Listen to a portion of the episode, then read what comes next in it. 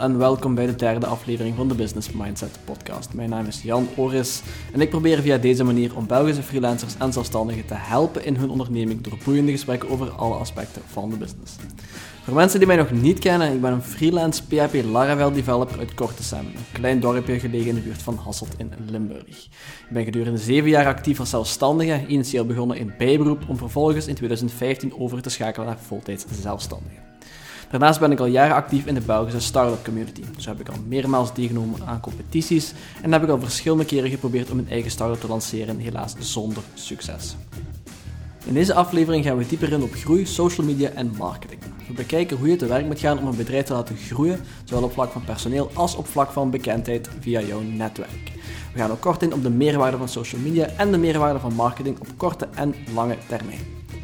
Om deze ontwerpen een beetje toe te lichten heb ik beroep gedaan op twee sprekers, Koen Stevens en Jelle Wiertma. Koen Stevens was van jongs af aan al geweten door de ondernemersmicrobe. Nog voor het einde van zijn universitaire studies startte hij een eigen onderneming op en groeide al snel uit tot een gekende speler binnen de online portal community. Vanuit die community richtte hij vervolgens dan Bubblebox op, wat al snel tractie kende en uiteindelijk doorgroeide tot Ampacify. Dat is een online community platform om medewerkers van een organisatie via tweerichtingsverkeer met het bedrijf in dialoog te laten gaan. Ondertussen is Embasify gegroeid tot een bedrijf van 15 werknemers met klanten zoals KBC, Sodexo, de Nationale Loterij, Bayer en KPMG. Jelle Wiertsma begon zijn carrière als web sales manager bij Lampiris, waar hij drie jaar lang agencies en freelancers aanstuurde. Daarna besloot hij om zich meer toe te spitsen op online marketing en ging hij aan de slag bij het Limburgse Jabba als groeiversneller. In 2019 besloot hij dan zijn kans te wagen als ondernemer en ging hij van start met zijn eigen ondernemer Groeimakers. Een online marketingbureau met veel ambitie om zoveel mogelijk bedrijven met een groeimindset te helpen hun doelen te verwezenlijken. Begin 2020 nam Jelle zijn eerste werknemer in dienst en hij mikt erom om tegen het einde van dit jaar nog twee collega's in dienst te nemen. Voor meer informatie over zowel mijzelf als alle gasten kan je altijd terecht in de description van deze episode. Daar vind je opnieuw een korte bio als ook links naar alle social media accounts waar je hen kan bereiken. Dat was de laatste van mij. Hope you enjoy the episode. Uh, ik ga beginnen met, uh, met u Jelle. Uh, we gaan eens even uh, een paar vraagjes stellen, de, de quickfires. Um, jij bent nog niet zo heel lang bezig, dus misschien zeg maar als ik een andere vraag moet stellen, dat is geen enkel probleem. Andere vraag. dat was geen vraag, dat was een mededeling. Um, goed. welke truc of gewoonte gebruik je om zo vlot en efficiënt mogelijk te werken in je onderneming? Wacht, dat is, een, dat is een aantal. Wacht, hè. Welke truc of gewoonte gebruik je om? Zo, zo vlot en efficiënt mogelijk te werken binnen je onderneming. Het is altijd slim om de vraag even te herhalen. Ja, uh, geen truc, denk ik. Uh, iets doen waar, uh, waar je in gelooft, vooral. Ehm, ja, dat is het belangrijkste. Iets doen waar je in gelooft en, en elke dag terug jezelf afvragen van ben ik bezig met wat ik bezig wil zijn? Is dat is dit waar ik voor wil gaan en er dan gewoon vol voor gaan. Ja. Wat is de grootste win die je tot nu toe bereikt hebt in, uh, in je onderneming?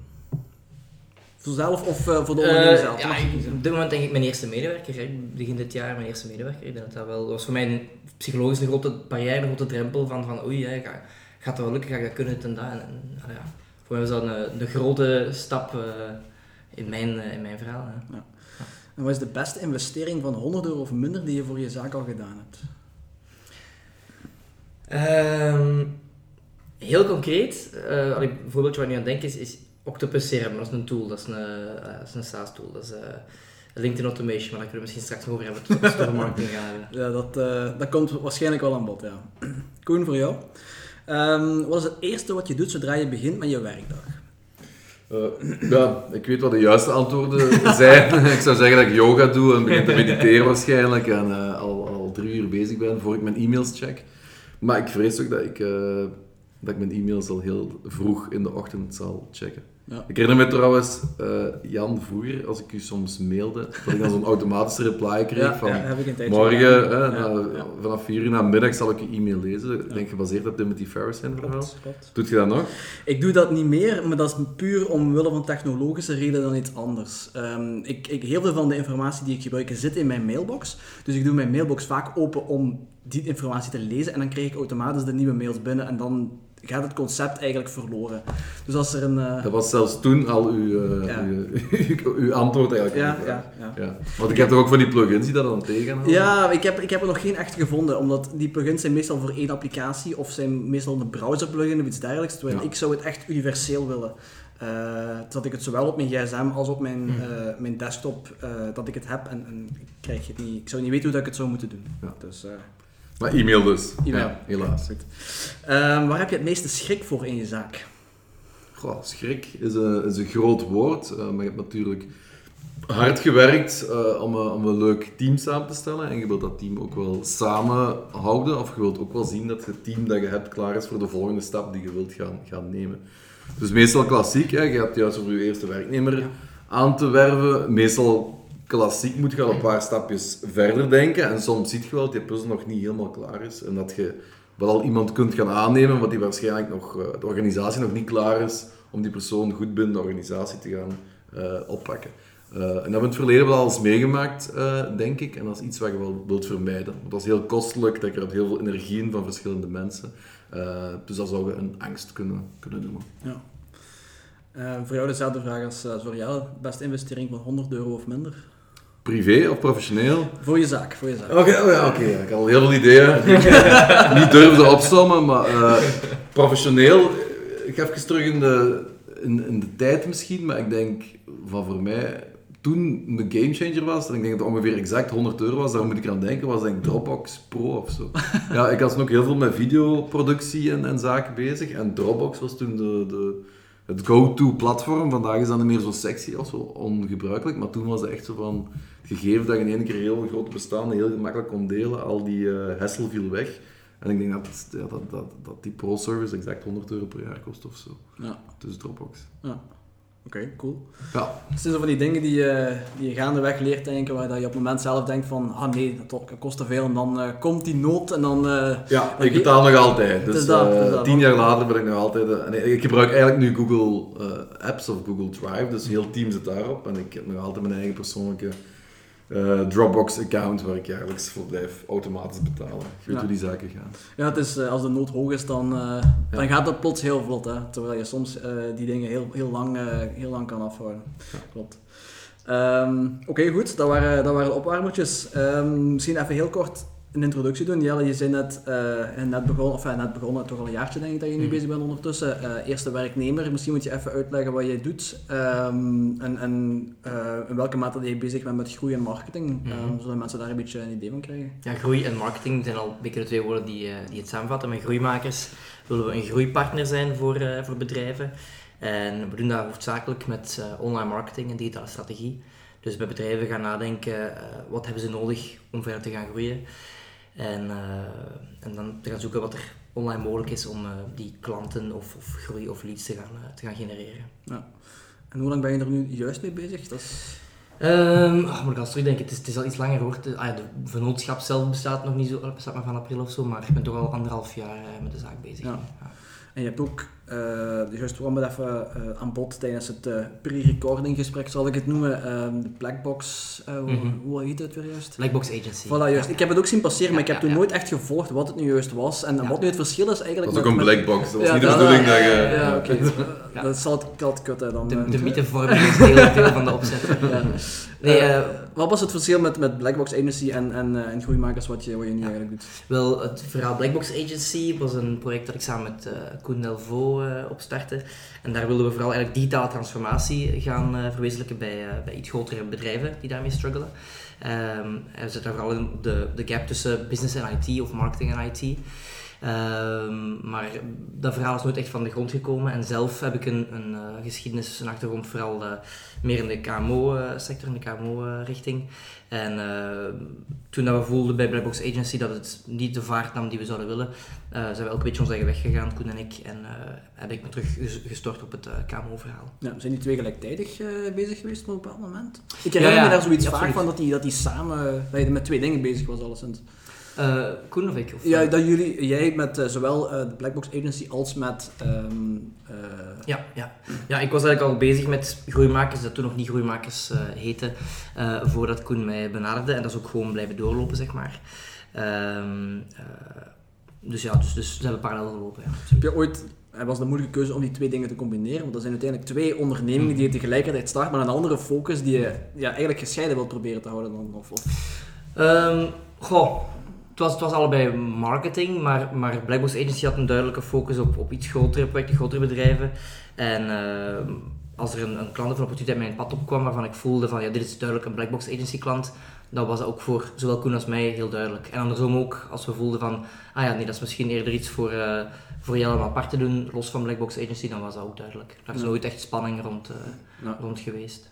Ik vond dat persoonlijk wel eh, heel moeilijk. Ehm, initieel, tijdens mijn laatste studie, ben ik eigenlijk een web content management ehm, systemen, leverancier en alles wat je wilt opgestart, called Econ. En eh, ja, binnen Econ hadden we altijd ideeën om nieuwe dingen, nieuwe ideeën te gaan lanceren en dergelijke meer. Ik vond dat zeer moeilijk eh, werken. Want op momenten dat je iets minder werk had met je hoofdactiviteit, had je eh, je energie in die projecten, die zijprojecten kunnen investeren. Eh, momenten dat je wat meer gas wilt geven op die zijprojecten, kun je dan natuurlijk weer niet in je hoofdactiviteit investeren. Dus voor mij werkte dat eigenlijk absoluut niet. Dus ik denk dat de echte groei, eh, om, om binnen dat kader te blijven praten, gebeurt is op het moment dat ik echt die stap heb gezet van, van, van, van, eigenlijk van hoofdactiviteit naar hoofdactiviteit te gaan. En die andere activiteit eigenlijk weg te duwen. En dat is waarschijnlijk een, een, een heel moeilijke beslissing geweest, maar dat heeft wel die, die groei uiteindelijk kunnen veroorzaken. Want anders, je blijft je safety net hebben. Hè? En zolang je dat safety net hebt, dan blijf je daar zo altijd half en half in hangen. Dus op een bepaald moment moet je echt die knoop doorhakken. Of dat, dat heeft bij mij in ieder geval goed gewerkt. Ja, absoluut. En ik herken ook wel het feit dat bij eh, zeg maar, groeimakers is ook pas eh, beginnen groeien, zeg maar, toen de Blackbox Agency, ja, Ja. toen dat hoofdstuk afgesloten was. Toen ben ik eigenlijk binnen de twee maanden heb ik voor mezelf ergens een knop omgedraaid en ben ik beginnen inzetten op de groei van mijn eigen, eh, mijn eigen activiteiten en, en is, dat, is die groei ook begonnen. Dus bij mij was het ook al zo. Ja. Cool. Koen, eh, je hebt een, heel, een iets ander traject eh, afgelegd, zal ik zo zeggen. Je hebt dus al even gezegd over, eh, over. Ik ben iets ouder, ja. Dat is eigenlijk wat je wilt zeggen. Niet letterlijk, Het is ik probeer er ja. doorheen te praten. Maar De oké. elephant in the room. Nee, zeg eens, ehm, zoals, ik, zoals wij elkaar ontmoet hebben, ik zal het zo zeggen, was het nog in de tijd van Bubblebox. Nu is het Amplify geworden. Ja. We hebben elkaar ook al een paar jaar niet meer gezien, dus hoe, hoe is dat traject geëvolueerd voor jou? Ja, dus ehm, ik had het juist over die vorige activiteiten. Daar is Duobox uit ontstaan. Echt een B2B SaaS-product. Wat eh, quizjes aanbood en vi- videowedstrijden, fotowedstrijden. Ik denk dat jij ooit heel specifiek nog meegewerkt Ja. hebt aan een net promoter score module Ja, binnen dat platform. Ik heb dat eventjes opgezocht, moet ik zelf doen. Want dat blijkt ook op je site. Ja, ja, ja, Dus je pakt er wel mee uit, dus dat wil zeggen dat je op een mooie referenties denkt.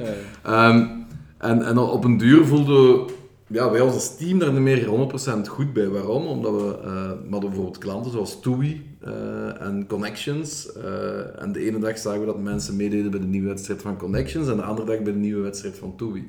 Dus dat waren niet echt ambassadeurs voor het merk, wat we eigenlijk pretendeerden Eigenlijk te opportunisten vinden. meer. Opportunisten, wij noemen het zelf price hunters. Ik heb er ook nog een blogartikel over geschreven. Eh, en die price hunters, dat waren eigenlijk, ja, daar is zelfs reportage op de RTBF eh, over gemaakt, professionele price hunters. Dat waren mensen die eigenlijk gewoon in een pyjama van s morgens tot s avonds met eh, die wedstrijden meededen en daar een heel mooi loon uit, eh, inderdaad een heel mooi loon uithalen door al die prijzen te winnen en zo. En you could game the system, hè.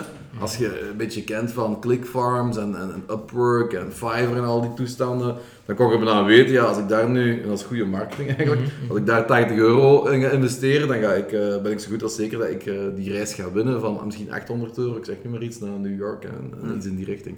Dus eens we dat door hadden, kwam, kwam het besef van we moeten terug naar authenticiteit, naar, naar echtheid, naar puurheid. En dan is uit de eh uit Buurbox, wat eigenlijk op zich goed draaide, hè, eh, was, was een kleine maar goed draaiende eh, business, hebben we dat eigenlijk helemaal omgevormd naar Ambessify. En ook klanten deels laten ja, overnemen door een grotere partij in die eh, sector. En ook deels die, die, die met die activiteiten wensen te stoppen, deels gerefund en dergelijke meer, om dan eigenlijk 100% op een best fight te gaan inzetten. Hetzelfde verhaal als er straks eigenlijk. Hè. Ik, ik geloof niet in twee dingen combineren, of er zijn een aantal paar uitzonderingen die de regel bevestigen natuurlijk.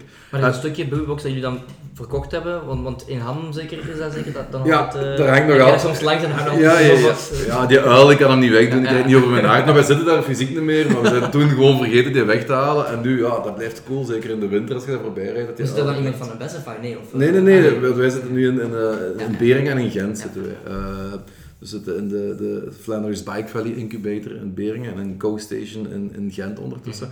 En dat is gewoon een appartement nu, met iemand die blijkbaar geen probleem heeft dat er iets eh, van een raam hangt. iemand die niks met Bubbebox te maken heeft. Geen idee, ik, ik kom daar niet meer zo vaak, maar eh, ja, dat, dat, is een lang verhaal. Eh, daar beneden zit mijn broer met zijn boekhoudbedrijf. Krijgt hij een commissie misschien als iemand, als iemand langs Ja, ik heb, misschien krijg ik commissie als ik de naam hier in de mic drop. Ehm, maar in ieder geval, daar is een, een Bestify dan uit ontstaan uiteindelijk. En een Bestify draait volledig rond authenticiteit. Dus heel vaak kom je dan uit bij de medewerkers, bij, die meer laten beleven met het merk, het engagement van die medewerkers te gaan verhogen. Of bij klanten die eigenlijk als ambassadeurs gaan optreden voor uw merk.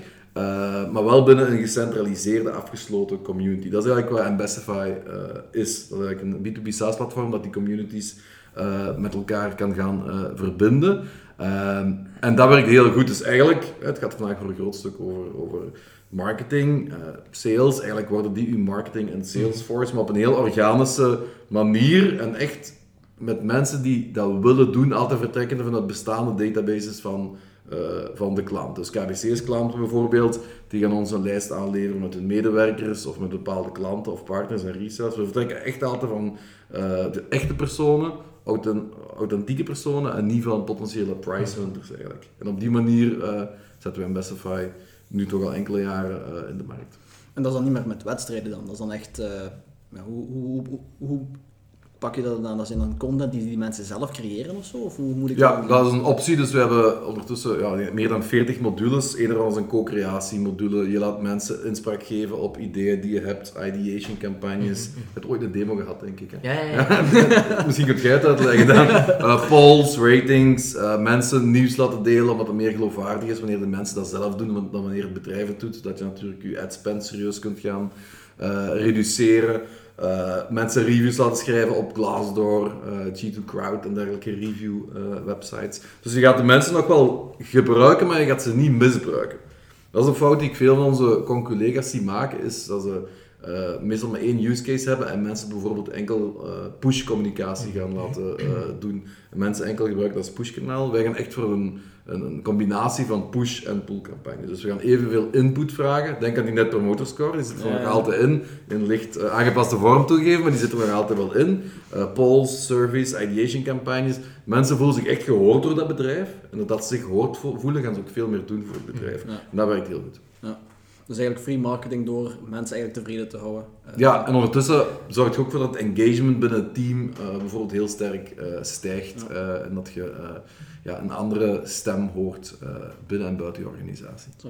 En met hoeveel ben je nu ondertussen? We zijn nu bij 15, Ja. ehm, dus we zijn eh, gestaag gegroeid. Eh, we zijn nu op een, een leuk punt, denk ik. Zoals we in het voorgesprek ook kort aanhaalden, denk ik dat je verschillende, ja, verschillende cycles hebt. En de allerleukste is waarschijnlijk... ehm, dan gaan die tien andere mensen mij wel kwalijk nemen. aller, allerleukste is waarschijnlijk eh, zo de, de, helemaal in het begin, als je met, met, met, met een vijftal, klein vijftal mensen bent en af en toe daar is eh, iemand, eh, een, een jobstudent of zo tussen smijt. Omdat dan iedereen gigantisch betrokken is en het is 100% horizontaal. We zijn nog altijd super horizontaal. Ik denk dat een van de sterkste is van ons bedrijf. Maar toch, ja, vanaf, vanaf 10, 15 mensen begin je wel wat zaken te, te missen en moet je mensen wat meer autonomie gaan geven. en- uit handen en, eh, geven uiteindelijk. en voilà, ja, dus het heeft te maken met, met delegeren en dergelijke meer. En, en ook beseffen dat je er meer ja, tien patches moet opzetten, maar je moet proberen om er of twee of drie goed op te zetten in plaats van tien die half scheef op je hoofd staan, zal ik zeggen. Ehm, maar ja, een leuke periode, dus ja, op naar de, op naar de 20 nu. Ja, Heeft dat lang geduurd voor jou dat je die klik gemaakt had? Dat je, dat je bepaalde dingen moest loslaten en, en die bij andere mensen moest neerleggen? Ja, ik denk dat dat een eh, typisch probleem is waar iedereen weet dat dat zo is. Eh, en dat je het ziet gebeuren, maar dat je dat heel moeilijk vindt om iets aan te doen. Zo ben ik heel lang weekends opgeofferd ehm, om eh, boekhoudkundige zaken te doen. Maar ik vond dat dan ook wel interessant, want dat, dat geeft je ook wel wat Het geeft inzicht. patterns, inzichten en zo. Dus ik, dat was zeker geen onnodig werk, maar ja, een groot stuk van dat werk is wel echt daadwerkelijk klasseren van, van documenten en zo. En dat is wel iets waar je relatief weinig inzicht in krijgt, behalve dat je dat niet de rest van je leven wilt doen. dus daar kun je dan heel makkelijk dan een student op gaan zetten, zoals wij dat nu vaak aanpakken, eh, die dan het weekend eh, of eh, door de week als er geen school is, eh, komt helpen. Ehet dat zijn Maar dat natuurlijk... zijn, dat zijn de dingen die je zelf niet graag doet. Ik denk dat dat de dingen zijn die je het snelst uit handen geeft. En daar heb je, enfin, denk ik, voor het algemeen weinig of geen moeite mee. Maar het zijn echt zo de dingen waarvan je weet van, kijk, ik wil, waar dat je controle over wilt houden, dat je dan moet, moet beseffen voor jezelf van, kijk, ik kan dit niet meer allemaal combineren, wat je net zegt, de tien patches. Ja. Ehm, ik denk dat er zo twee of drie zijn die toch moeilijk zijn om los te laten. Niet? Of, of, eh, of mis, ik, eh, mis ik dat?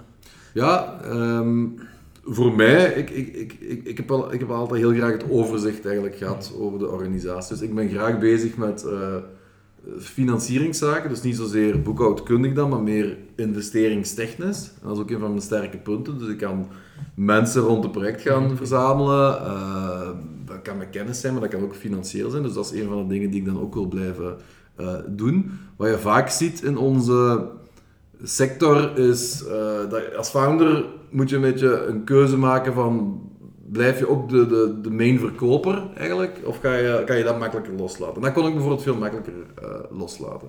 Eh, ik verkoop nog altijd, dus ik zeg daar niet per definitie nee tegen. We hebben nu verschillende verkopers in dienst en die kunnen zeker zo goed als mij verkopen.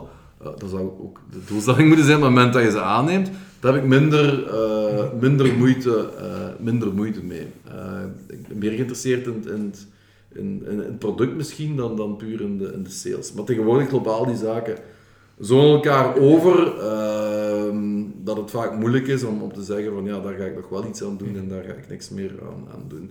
Ehm, dus het blijft een moeilijke evenwichtsoefening. Ja. Nou, waarschijnlijk. Ik denk niet dat je daar ooit echt een, een evenwicht in vindt. Ik denk, eh, ik denk dat dat een beetje de foute, de foute terminologie is. Hm. Ik zou ook niet weten hoe dat ik het beter zou moeten zeggen. Hè, maar uiteindelijk, allee, we proberen eh, ons te behelpen. We proberen zoveel mogelijk uit handen te geven, zoveel mogelijk de rol te verdelen. En uiteindelijk, dan valt hij ziek of eh, komt er iets wat die persoon niet kent of niet verwacht. En dan, dan moet er ingegrepen worden, dan moet er geschakeld worden. Ja. En uiteindelijk, de organisatie moet dat toelaten, denk Ja. ik.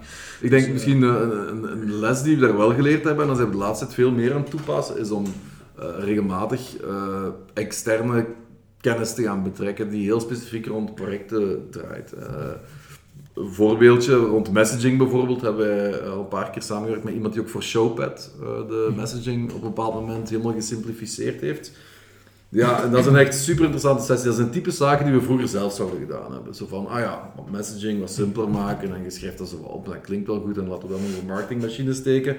Zo werkt het helaas eh, vaak niet. En om dat is iemand helemaal extern op te gaan zetten, die dan het hele team ook betrekt, hè, waar je dan echt eigenlijk veel tijd en resources in steekt. Dat zorgt ook voor een hele goede vibe eh, binnen het team, want dat geeft ook aan de mensen het gevoel van, er wordt hier ook geïnvesteerd in mij, er wordt geluisterd naar mijn mening. Eh, en de resultaten die eruit komen zijn gewoon een stuk beter dan wanneer je dat zelf had gedaan. En zo proberen wij heel vaak eigenlijk eh, ja, van die mini-projecten draaiende te hebben met mensen die niet vast aan de organisatie gebonden zijn. En elke zes maanden of zo eh, revisiten we die en gaan we daar nog eens opnieuw mee in, in interactie. En dat werkt eigenlijk wel heel goed. Dat is misschien ook een beetje wat jullie met Blackbox in gedacht hadden, maar dan meer op de grote bedrijven eh, gericht. Hè? Zo, zo die, die... Ja, maar dan wel breder nog. Eh, niet één specialisatie, maar een teamopbouw met heel veel specialisaties om inderdaad... eh, om ook overkoepelend wel te kunnen... eh, een organisatie die zit met het algemene probleem van digitale transformatie, om daar bepaalde angels eruit te trekken. Dat was net het idee. Nu, een vraagje. Je zit veel bezig over het, eh, het loslaten bij een groeiend team. Eh, en ik hoor veel mensen van, als je bezig bent over groei, eh, van, van ja, maar ja, en kun je loslaten, kun je loslaten.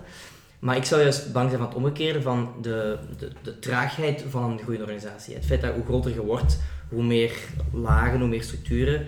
Je zegt al dat jullie redelijk horizontaal nog zijn, maar is dat ooit iets dat je merkt van, oei ja, het zijn wel meer en meer processen en dingen die je moet investeren voor de interne werking. Is dat ooit iets dat, een pijnpunt geweest? Of, eh? Ja, absoluut. Ik denk dat eh, ja, op een bepaald moment, hoe meer mensen, hoe meer meningen. Hè. En eh er is een mooie Engelse quote over, die ik, die ik zelfs niet moet, moet uh, hardop uitspreken. Uh, maar in ieder geval, uh, ja, hoe meer meningen en hoe meer mensen een mening over iets willen hebben. Dus wij proberen altijd redelijk sterk in groepjes te werken, om dat toch ja. iets of wat binnen de, binnen de perken te houden. Ik denk wel, en dat is vooral iets wat je bij de, de hyperscale groeibedrijven ziet gebeuren, waar ze gigantisch veel kapitaal inpompen waar ze op voorhand weten 80% van dat kapitaal is waste. Hè? Dat gaat eigenlijk geen nut hebben, behalve eigenlijk een filtering van nieuwe profielen die erbij komen, die weer weggaan. En dan Ja, ja. dat soort, daar heb ik, dat soort scenario, ehm, ik heb er geen 100% aversie tegen, maar ik ben er ook niet, niet super enthousiast Ja, ja. over. Of eh, misschien dat op een bepaald moment in onze groei wel moet. Hè. We hebben ook investeerders en dergelijke meer. Eh, maar dat is op een andere, op een andere manier. Dat is meer een organische manier. groeien. Ja, voilà. En dan hou je die zaak ook iets meer onder, eh, onder controle, Ja, denk ik. Ehm, maar zeg nooit nooit. Hè. Soms kan de markt in één keer draaien, waardoor je als bedrijf ook echt snel moet draaien en, en, en bepaalde keuzes moet nemen. Ik denk, eh, zie vandaag, eh, als naar de actualiteit verwijzen, binnen twee jaar gaat dat super gedateerd klinken. Gaat iedereen zeggen, what the fuck, waar, gaat het daarover? Maar het coronavirus niet of zo, ja, dat heeft op veel bedrijven veel impact. Of het nu paniek is of niet, maakt niet uit. Eh, er zijn mensen die nu echt wel of bedrijven die echt wel een, een sterke beweging moeten maken naar links of naar rechts. En andere bedrijven die plukken daar de, de vruchten van. Hè. Denk aan Zoom, eh teleconferentiesoftware. hè. Mensen gaan meer en meer remote eh, worken. Ja, die aandeel is gigantisch naar boven gaan de laatste dagen. Hè. Eh, want wij de- denken nu ook aan het idee om daar iets meer mee marketing te gaan doen. Misschien even voorleggen aan de specialisten zaken. Want er was, eh, er was weer redelijk veel weerstand in de organisatie. En dat was mijn punt ook. Dat was echt zo'n zondagse bedenking, letterlijk van, van gisteren. Het is vandaag maandag dus. Eh, dat heeft een slimme luisteraar al opgemerkt. Ehm, en eh, dat was gewoon, ja, eh, 's morgens dacht ik zo van, nee maar, als wij nu ook zoals Zoom eigenlijk eens expliciet erop gaan inzetten eigenlijk. Van, want wat doen wij? We brengen juist eh, medewerkers samen, maar wel online in een community en dergelijke. En we zorgen dat die hun engagement onderling kunnen gaan verhogen, dat die elkaar kunnen gaan challengen. We zorgen dat die teamdynamiek blijft. En in de wereld die nu meer en meer remote gaat zijn de komende weken en maanden, eh, even afwachten, is eigenlijk een gigantische USP om iets mee te gaan, gaan doen. En dus had ik dat met de marketingmanager afgetoetst eerder vandaag. En eh, ja, Als feature binnen het product bedoel je? Nee, niet als feature. Ah, ik bedoel gewoon echt eh, om, om daar iets, eh, om de iets meer te belichten Ja, in de marketing. ja, ja. Eh, dat specifieke aspect. Eh, maar hij bevestigde een beetje mijn angst en dat is ook het gegeven van ja. Het is, het is zo wat negativisme ergens ook. Hè. Dus je speelt zo op een negatieve Mhm. trend in. Nu zijn we eigenlijk aan het kijken hoe we dat verhaal toch een positieve draai kunnen geven. Dus het idee wel behouden, maar dan eh, waarschijnlijk niet met corona in de, de Ja, headlines, zal ik zeggen. maar ik kreeg vandaag al, was bij jullie ook zo, de eerste mails hè, van, van een eh, eventbureau dat eh, gigantisch veel events organiseert, bedrijfsevents. En in die mail stond, 80% van onze klanten heeft hun bedrijfsevents de komende weken, maanden al opgezegd. En dan was er ergens, ja, dat was een soort actie dat je dat kon verplaatsen binnen de volgende 18 maanden of iets in die richting. En was nog een andere actie, als je vandaag een nieuw event bij hen bestelde eigenlijk, dan kreeg je 19% korting verwijzend naar de volledige naam van het virus, er is 19 in als ik me niet... eh, vergis. COVID-19. Voilà, ja, voilà. Ehm, dus, allee, die spelen daar ook zeer expliciet op in. Ehm, dus bon, ja, we zijn gaan kijken hoe dat gaan aanpakken. Ja, het is, het is controversieel natuurlijk. Hè. Ja, maar dat zijn wel type zaken, als je in een team van vijf zit, hier ga je niet lang over nadenken. Hè? Ik bedoel, dat, dat lanceer je gewoon en dan Ja. denk je, als je bij 15 zit en je hebt een marketingmanager en je respecteert eh, die persoon ook en, en die heeft een background, dan, dan ga je daar wel meer door laten leiden. In het begin zouden we dat gewoon gedaan hebben. We hebben eh, Conchita Wurst, ik weet niet Ja, ja, ja. Dus eh, toen hebben wij bij Buobox was het nog, eh, dat was nog die periode denk ik dat we elkaar, eh, dat we ooit samengewerkt hebben. Eh, dat was echt op een vrijdagavond en dan werd er eens een pintje gedronken. En dan was het van, oké, straks is het Eurovisie Songfestival, of morgen, wat, wat kunnen we daar nu mee doen? En dan was het idee in één keer van, ja, woest yourself. Dus dan kon je naar woestyourself.buobox.com gaan en dan kreeg je de look van Conchita Wurst. Dat was die baard en die haren over u op de foto die je via webcam eigenlijk opnam. Dat we dan op Reddit en zo gaan zetten, puur als experiment. En je hebt dat naar rap gebouwd, die fotofilter toe. Nee, nee, dat hadden wij. Dat zat eigenlijk in Buurbox, ja. En dan ja, wel we moeten aanpassen. En dan hebben we dat op Reddit en zo gezet. En daar hebben we echt wel redelijk Ja, hele ja, hoop ja. inzendingen. Dus dat was heel cool. We waren daar businessmatig absoluut niks mee. Maar als je dat liet zien in een demopresentatie aan klanten, dat, dat, dat vonden mensen wel heel leuk natuurlijk. Ja, ja, ja. Maar dat is eerder potentieel. Je, je, je, je grijpt eigenlijk de, de, de opportuniteit die Ja. de media u geeft Ja. eh, om je business case aan te tonen, die je dan later kunt omzetten in effectieve groei door die use case te tonen aan, aan potentiële klanten. Ja, voilà. Allee, ik denk dat dat... Ja, dat Dat is engineering as, as, as marketing noemen we heel vaak. Hè. Van die zijprojectjes die uiteindelijk het hoofddoel kunnen dienen. Ik ben daar een gigantische fan van. Hè. Zoals HubSpot eh, hun website grader heeft. Hè. Dat- Ja. Ik heb ooit gelezen dat 50% van hun van hun MQL's, hè, Marketing Qualified Ja. Leads, dat die via die website kun je er eigenlijk gewoon komen. Hè, die gewoon een score gaat geven op je website van eh, hè, scoort zo goed op X, Y en Z en zo kun je het verbeteren. Ik heb die vroeger, nog gebruikt in pitches en zo. Ja, ja. Ja, en, en, en, en maar tegenwoordig, veel, veel bedrijven blijven dat wel slim doen. En wij ook op onze eigen site, eh, qua resource, hebben nog heel veel calculators, hebben nog heel veel brand advocacy index. eh, is een ander voorbeeld wat we ooit ontwikkeld hebben, waar je eigenlijk kon zien hoe goed je het op het gebied van advocacy deed. We hebben nog een, een proces aan de boek gekregen van de Boston Consulting Group. Dus we waren eigenlijk toch op de radar gekomen van zo'n partij. En die zeiden van, ja, we hebben dat getrademarkt eh, een tijdje geleden. En toen hebben we daarvan eh, advocacy ambassadorship of zo moeten maken. Echt onmiddellijk eh, een eh, eh, Amerikaanse brief. Eh, dus ja, toen dachten we, zullen wel iets goeds aan het doen zijn. Ehm, dus maar ik geloof heel sterk in die resources, dat je moet blijven bouwen. Eh, mensen vullen graag iets in, mensen zien graag snel resultaat. Ehm, ik denk dat in, in het werk wat jij doet ook eh, heel relevant is. Eh, en dat werkt ook heel goed voor welk B2B product dan ook. En dat wordt veel te weinig gedaan, Mhm. vind ik. Heel veel fo- focus op content. Doen wij ook e-books, whitepapers, gameplans, whatever. Maar veel te weinig focus op, op, op, op ergens een, eh, Ja, een calculator waar een paar dingen moeten ingevuld worden. Je hebt een e-mailadres en, en je hebt een resultaat en de mensen kunnen er ook iets ja, ja, ja. Hoeveel van die dingen doe je eigenlijk zelf? Zijn ze je eigen ideeën? Bijvoorbeeld het, het voorbeeld van Conchita Wurst, dat is nu niet echt een business voorbeeld, maar dat je, nee, maar gewoon dat je, dat je zelf iets denkt van, oké, dit kan ik nu toevoegen aan Ambassify of, of, of iets dergelijks. Eh, of zijn dat allemaal dingen die van, die, de vragen die vanuit de klanten komen en die... eh, Oh, dat, dat, dat, is, eh, dat is redelijk sterk veranderd, maar ik denk dat we op een bepaald moment, toen we die sprong van Duobox naar Ambassadify aan het maken waren, heb ik me echt allee, zo wat afgezonderd bij manier van spreken en, en een 10, 15 pager geschreven van kijk, dit moet Ambassadify worden. Allee, dat was gewoon de, de draft. En dan natuurlijk, door die af te toetsen aan het team, kreeg je direct van ja maar nee, dit en dat. Ja, maar- of ja maar ja, dat. En dan Ja. ga daar samen eh, iets beters van maken. Eh, als je nu gaat kijken naar wat we toen in het hoofd hadden en wat we nu gebouwd hebben, is dat wel zeer straf hoe dicht dat bij elkaar ligt. Ja, Want je verwacht normaal dat dat heel hard verandert. Het ligt heel dicht bij elkaar toch.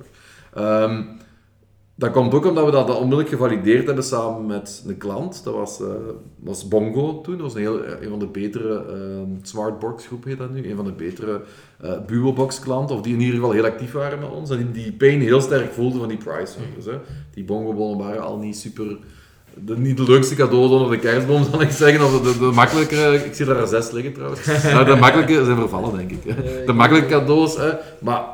Ja, dus die hadden een reputatie niet echt mee, maar je had echt wel een deel mensen die dat fantastisch vonden, die echt wel ambassadeurs waren. Maar als het dan over prijzen ging, dan begonnen die toch wel met de verkeerde intenties vaak mee te doen. Dus we hebben dat heel sterk in co-creatie met hen eh, gedaan. Ehm, en dat heeft eigenlijk geholpen, want als je dat kunt mappen op zo'n bedrijf, kunnen we daarna vaak ook heel sterk op andere soortgelijke bedrijven gaan, eh, gaan mappen.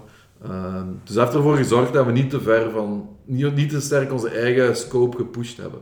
Want dat anders wel gedaan, denk ik. Ehm, en, en niet de typische fout gemaakt van eh, drie jaar eh, iets te bouwen en dan beginnen na te denken over sales en twee jaar later over marketing. Ja. Dat is hoe het heel vaak gaat. We hebben, er ook, we hebben ook veel te traag, zeker op marketinggebied, veel te lang gewacht. Maar dat had meer te maken met ehm, niet de juiste mensen te vinden eh, dan, ehm, dan dat we het niet wouden doen of dat we er geen budget voor hadden of wilden aan besteden. Ja, voor jou. Eh, je zit nu in een, eh, een iets ander stadium dan, eh, dan Koen uiteraard. Het leuke stadion.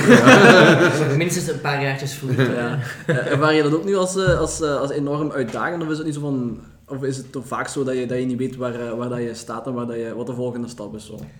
Vind ik wat uitdagend. Ondernemerschap of marketing? Of, Ja, het ondernemerschap. Dus ik Koen zegt van de, de, 1 tot 5 eh geloof ik Ja, ja, dat ja. het zei, was, eh, was het, eh, het, is het leukste. Eh, Is het voor jou nog altijd eh, een uitdaging? Of is het nu zo van... eh, of, Eh, hoe ik het ervaar, de eerste fase denk ik zo van, van, eh, van 1 en van 1 naar 2 enzovoort, is, is heel veel nog psychologisch, omdat je zo, je zet jezelf aan het vinden, je zet nog op jezelf, ja, eh, aan jezelf overgeleverd. En, en, en je kunt er alle kanten uit en dat is, dat is een, een, zegen en een vloek. Hè. Je, kunt ook, je, wilt, je moet focus leggen, maar niemand dwingt je daartoe. Eh, dus dat is vooral psychologisch vaak zo nog, nog zoeken van, van oké, zit ik op het juiste pad? Eh, go for it. En, maar het, leuke is natuurlijk wel dat je heel veel vrijheid hebt. Hè? Wat je eruit zei van, iedereen heeft zijn eigen mening. Ja, ik heb een mening en nu heeft mijn eerste medewerker een mening. En daar houdt het bij op. Dus je doet allemaal wel een beetje je goesting nog in het begin. Ehm, maar ja, psychologisch is, is het, eh, het is vaak jezelf vragen stellen. Hè? En heel weinig mensen om mee te sparren van... eh, zeg, ben ik goed bezig? Je moet het tegen jezelf zeggen in de spiegel, want anders zegt niemand het. Hè? Ja, dat is waar. Dat is waar. En denk je soms na over een, alleen, of misschien is dat nog te vroeg voor een raad van advies, of, of heb je al een paar mentoren rond u, of zeg je daar actief mee bezig? Nee, Dat nog heeft niet mij altijd wel heel veel geholpen. Eh, Nog niet eigenlijk. Ja. Dat- zelfs al heel vroeg, ehm, ja, toen we in die fase inderdaad minder dan, dan vijf waren, hadden we wel ook al iemand... Ja, het is ook, als je investeerders hebt, is het natuurlijk sowieso anders. Hè. Die hebben een belang in u, eh, dus dan verandert eh, sowieso al een aantal zaken. En hebben ook een onafhankelijke eh, bestuurder eigenlijk erbij betrokken. Dus iemand die zelf geen aandelen of zo in het verhaal heeft, die kan meer ongezouten zijn, zijn mening zeggen. En daar nu ga ik nu, allee, elk half jaar nog altijd wel eens een keer mee, mee lunchen. eh, in Link 21, om heel specifiek te zijn, want dat is niet Ja. te ver van zijn thuis. Dat is een beetje tussen. een dansing. ja, voilà. Eh, en daar haal ik heel veel uit, omdat je altijd zo van op afstand naar de zaken kan, Ja. kan kijken. Veel anderen zitten er soms iets te dicht op, maar ik vind wel dat je die stap idealiter zo snel mogelijk Ja. eh, zet. En dat je dat best ook doet met mensen die, ofwel die dat al gedaan hebben, hè, de klassieker, of die een stuk voorstaan op u. Ik ma- vroeger maakte ik een beetje de fout om naar de events te gaan, waar de gelijkgezinden Ja, heel ja, sterk ja, ja, waren. En op een duur begon ik Om elkaar merken... kunnen bevestigen. Ja, voilà, ja. Hey, we zijn goed bezig. Ja, ja dus iedereen, iedereen is ook altijd goed bezig op die events. Dat is, Ja, ja, ja. dat is nooit iemand die zegt, oh, verschrikkelijk. Kom maar nog een pintje, kom maar. ja. Maar, ehm, dus, ja, dus dat zijn wel heel leuke events natuurlijk, maar je komt er altijd dezelfde mensen tegen. En op een duur ben ik ook door te hebben dat je ook gewoon, ja, ik noemde dan, eh, zonder denigrerend te willen zijn, maar de, de entrepreneurs eh, een beetje die daar zo waar rondlopen, die daar drie jaar, die drie jaar geleden iets vertelden over een groot plan en vijf miljoen ophalen Ja, ja, en en ei. Lopen daar nu nog altijd rond met dat plan, maar nog altijd niks gebouwd en nog altijd het idee om vijf miljoen ophalen en zo. Dus toen dacht ik van oké, misschien moet ik dan gaan waar, waar, eh, waar- andere mensen zijn die al een stap verder staan. En in België hebben we een aantal heel goede netwerken in die richting. Hè. Bijvoorbeeld wij, eh, IMEC is ook een investeerder in ons. Ehm, eh, die investeren op het moment dat je nog heel klein bent, Ja. bij een paar mensen, maar die, er zijn bedrijven bij die ondertussen met 100 zijn of met 50 zijn en dergelijke meer. Ja, daar leer je echt wel van bij. Die doen dan, dat klinkt een beetje eh vreemd misschien, maar die doen van die eh, ondernemerswandelingen. Ja, als je wandelt kun je eigenlijk heel goed babbelen met iemand. Ja, dat is heel hip en Eh, trendy. Ja, voilà. Ja, ja. Eh, we hebben vroeger ook wel eens gedaan met meetings, waarmee geëxperimenteerd. Oké. Maar daar krijg je heel veel valabele input dan eigenlijk eh, van. En eh, ja, en, en zelf geef je dat ook wel graag terug aan dan, de, ja, dan weer de jongere hè. Dus Ja, de. Limburg Startup ben ik een, een coach in bijvoorbeeld. Ja. Of eh, ja, ik ben pas nog eh, gaan eh, lunchen met iemand die, die nu ja, eigenlijk ook alleen iets aan het opstarten is. Eh, ik ben zijn naam vergeten als ik dit woord heb, maar niet vergeven, want... eh nee, is het een Dieter? Toevoegen in de, credits? Dieter Strulis, hè? Ja, ja, voilà. Dieter Ja, ja, voilà. Dieter Strulis is. Ja, ja, ja, voilà. Eh, nee, daar ben ik mee gaan lunchen en hij heeft me wel verteld waar hij over bezig is. En dan geef ik me daar eerlijk mijn eh, idee over. En, en eh, dat geeft ook... Allee, dat geeft ook wel een goed gevoel, want je hebt het gevoel ik heb geholpen. Ja, of, ja, ja, ja. Meestal, er wordt niet altijd naar geluisterd, absoluut niet, want dat was ik vroeger ook niet. En dat moet ook niet. Het is gewoon dat mensen toch eens iets anders even misschien gaan, gaan, eh, gaan denken. En voor de rest is dat heel leuk om te zien dat sommige van die dingen dan echt iets beginnen te worden. En zo dan heb je het gevoel van, ah ja, dat heeft ook geholpen. En eh, de mensen die u hebben geholpen, die vergeet je ook wel niet op een of andere manier. Dus eh, ik vind in België dat je wel een goed ecosysteem begint te krijgen. Het is heel lang niet geweest, eh, maar nu zijn er echt wel een paar allee, succesverhalen en, en allee, de billion dollar valuations eh, voor een paar bedrijven. En, en, en ja, dat maakt dat er veel mensen ehm, goed verdienen en opnieuw in andere bedrijven gaan investeren. En niet enkel het geld investeren, wat vijf à tien jaar geleden het geval was, maar ook echt hun kennis en expertise gaan investeren. En eh, een half uurtje bij die mensen kan soms veel meer waard zijn dan, dan, dan eh, twee dagen bij een heel klassieke coach die alles uit de managementboeken heeft. Ja, ik denk eh, dingen in de boeken, allee, ik had het ook bij mijn opleiding, eh, minstens 40% als het niet de, de, volle, de volle 100% is, die uit de boeken haalt, zijn dingen die in theorie heel mooi klinken, maar die in de praktijk eigenlijk niet echt, eh, niet echt van toepassing zijn. Ja. Ehm, hoe was het voor jullie beiden om, om vast te stellen van, kijk, ik, ik, jij bent begonnen met, met Wim, denk ik, als partner. Je bent niet alleen begonnen. Jij bent wel alleen begonnen met, met Groeimakers. Wat was voor jou het punt van, dat je besefte van, oké, ik moet hier iemand bij zetten en we kunnen het niet meer alleen aan. En hoe, hoe was de, de, de angst of het gevoel om eh, die groei te kunnen volhouden? Want uiteindelijk, je groeit tot een bepaald punt. Hè? Je kan het niet meer alleen aan. Je moet hulp erbij halen, maar je moet uiteindelijk, als, iemand, als je die persoon erbij had, die moet die groei ook kunnen, kunnen blijven houden. Eh, hoe, hoe zorg je ervoor dat dat, eh, dat blijft komen? Ik Voor mij, ik vind dat een hele moeilijke. En daarom dat ik dus ook als een van de grootste wins, uh, of een van de overwinningen, de eerste medewerker aanhaal. Omdat je moet, denk ik vandaag, je moet proactief gaan recruteren. En als je gaat zoeken naar iemand, wanneer je hem echt heel erg nodig hebt, dan is het vaak al te laat. Want je vindt hem niet morgen en dan begint niet morgen. Het is eerder binnen twee à drie maanden. Ik bij mij iets tussen, tussen de twee en drie maanden was. En uh, op een gegeven moment heb ik, heb ik de klik gemaakt van... Ik wist al een tijdje van ik wil groeien, ik wil uh, dit groter maken. Toen ben ik eerst beginnen zoeken naar klanten. Van oké, ja, hoe vind ik meer klanten? Vooral ik voelde, oké, er zit een bepaalde flow in. Dat was niet 100% meetbaar uiteraard in het begin, maar je voelt wel, er komen meer en meer, uh, er komt attractie. Um, heb ik dat idee in mijn hoofd gepland van oké, nu moet ik ook op zoek naar die medewerker, want en je weet dat dat even duurt. Um, en dan loopt dat zo samen, hè, want je weet inderdaad nog niet, gaat die groei, is dat toeval of gaat dat blijven komen? Is dat een lucky streak of, of gaat er blijven groei komen? En dan die medewerker, ja, als die morgen kan beginnen, heb ik wel werk voor die, dus dan je blijft even, en ook in de eerste gesprekken zelfs nog, gaf ik ook eerlijk aan van, uh, goh, als je uh, twee dagen per week of drie dagen per week kunt beginnen, is voor mij ook goed, want ik weet eerlijk gezegd niet. Uh, en gelukkig is dat goed gekomen en is dat er allemaal wel, maar daarom ook dat dat, ook nu weer, hè, ik heb ook nu weer online gezegd van, van ah, ik zoek nog mensen. Dat is niet per se zo dat ik vandaag we met ons twee al overlopen, maar je weet gewoon, je moet plannen om te groeien. Allee, je moet groeien gaan plannen. Hè. Ja, ja, wij zetten ook altijd standaard uh, een vijftal vacatures ja, ja. open, gewoon om, om, om, uh, om mensen te blijven. blijven leren kennen. En af en toe nodig je al iemand uit en dergelijke meer om je te leren kennen. En voor de rest, zoals ik in het vorige gesprek ook zei, ben ik ook wel... Uh, uh, ik zou niet een spammer zeggen, maar een LinkedIn stalker. Hè? Dus ik, uh, zelfs naar, naar, u en zo, ik zal heel regelmatig een bericht sturen. Niet omdat ik denk dat je niet op je plaats in die job of zo, maar ik weet wel dat je ook een netwerk hebt en zo. En mm -hmm. misschien is dat nog nooit helemaal juist exact zo gevallen, maar op een bepaald moment valt dat zo dat iemand in één keer denkt van, ah ja, jij zoekt nu die en ik heb die. Dus, uh, en dan bespaart u ook 25.000 euro recruitment fees natuurlijk, als we het gesprek van vorige, vorige keer erbij nemen. Um, dus ja, ik geloof daar ook heel sterk uh, in. Om op uw vraag te antwoorden, um, ik ben inderdaad met, met, met Wim in een avontuur gestart, uh, gestapt en, en dat was voor ons allebei eigenlijk een heel groot risico achteraf gezien. Maar het voordeel wat we wel hadden is dat ik had mijn, uh, mijn Econ uh, web uh, development verhaal al en Wim had zijn Code Canyon verhaal. voor de denk 99,99% van de luisteraars die dat niet kennen, Code Canyon is, is dan een zeer populaire site waar miljoenen mensen op zitten, om eigenlijk, of was, nog altijd wel denk ik, om code snippets te gaan downloaden, waar je bepaalde dingen mee kan gaan doen. Hè. Eh, een site heel snel omzetten naar mobiel of zo, ik geef nu maar een ludiek voorbeeld. Of um, bepaalde designs uh, heel goedkoop uh, kopen. Ja, dat is een beetje de, de voorloper van Fiverr eigenlijk. Uh, iets, iets specifieker ja. voor IT. ja, maar dan werk je wel altijd met een ja. product waar je dan eigenlijk honderden keer opnieuw kan verkopen. En, en Wim was dat de best verkopende verkoper op wereldwijd. Dus letterlijk van, en dat was een zaak die door miljoenen mensen gebruikt wordt. Nou, die moet ook niet te groot zien, maar toch wel redelijk ja, groot. Dus hij had een soort recurring revenue stream die daaruit kwam. En ik had een soort recurring revenue stream die kwam uit de, de hostings en ja. servicepakketjes van die klanten die ik ondertussen had opgebouwd. Wat ons iets meer vrijheid gaf om te zeggen van kijk, en we hebben echt die afspraak gemaakt. Uh, we hebben gezegd van kijk, wat er ook gebeurt, we gaan twee jaar geen loon uitkeren. Dus dat is een redelijk essentiële eh, beslissing uh, die de meesten niet nemen en daarom ook niet moeten nemen.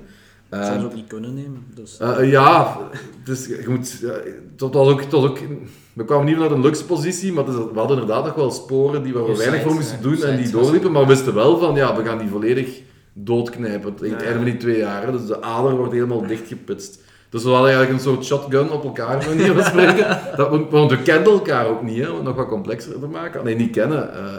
Ja, ik, ik wil ze mijn netwerk beginnen rond te vragen van uh, ik, wil, ik wil bij iets ja, nieuws starten, maar ik wil dat bij, bij één of twee co-founders in het begin te doen. Ik geloof persoonlijk dat dat de beste manier is. Echt een paar gesprekken eigenlijk al? Uh... ja, ja, en dan de, de, eerste gesprekken zei, ja dat klikte heel goed, maar goed, dat wil nog niks zeggen, zo'n eerste gesprek. en dan nog een paar gesprekken en dan ehm, ja, hebben we de sprong gewaagd. Ook wel omdat ik wel, ja, een heel dat we mij ook wel gehad hebben, maar wat validatielevels ertussen had van mensen die zeiden, ja, maar dat is een goede gast. En, die, en, gewoon, die was ook zeer goed in wat hij deed. Uh, dus uh, ik had zoiets van, ja, oké, als die in dit avontuur ook meestappen, wat gigantisch risico is, hè, wat geen klanten of, of niks, uh, dan durf ik dat ook wel bij hem. en zo op die manier zijn we eigenlijk opgestart. Dus dat was een, een heel grote gok. En dan een beetje dan hebben we gewoon twee jaar heel hard gewerkt. En dan een beetje alsof het, eh, de kosmos ermee gemoeid is, hebben we onze fundingronde geclosed. Ik denk in december, eh, twee jaar later. Dus een maand voor het zou verlopen. Los van die fundingronde hadden we toen ook al wel eerste klanten en dergelijke. Maar toen waren we in één keer in de positie dat we eh, zeiden van kijk, eh, we kunnen nu een normaal, hè, normaal loon uitkeren. dat we de rest verder terug in de business investeren. Dus dat was een grote gok geweest die bij de meeste starters eerlijk gezegd niet goed afloopt. Maar dus ja, daar wordt ergens een, een, een, een, een shifting gemaakt. Hè. Wat, wat ik persoonlijk ook heel belangrijk vond, dat was voor ik Wim dan kende. En dat is een beslissing die ik genomen heb eh, om in de Founder Institute te gaan. Eh, je kent Y Combinator misschien. Dat zijn zo van die online, in Amerika van die ja, start-up schools, eigenlijk met een, met een hele hoge ratio eh, tot mensen die falen eigenlijk. Hè. Eh, dus je wordt er eh, echt op zijn Amerikaans aangepakt. En het coole was, in Brussel kwam dan zo'n semester van de Founder Institute. Eh, Dat bestaat nu niet meer. Ik heb het daar achteraf ook nog gementord en zo. Jammer, want dat was een heel tof concept. En dan kreeg je echt les van Amerikaanse lesgevers en dergelijke. Allee, entrepreneurs die echt kwamen ingevlogen naar Brussel voor één avond ja, dingen te vertellen rond marketing. En dan waren die terug weg, dus dat was fantastisch. En dan eh, Brussel eh, verkennen s'nachts met die andere ondernemers. En dat begon eigenlijk online met een soort intelligentie en adaptivity test en al die zaken. Alles wat een ondernemer zou moeten hebben, hadden zij psychologisch in kaart gebracht. Dus daar moest eerst al door. Dat was de eerste lectie waar maar één op vijf door op mocht.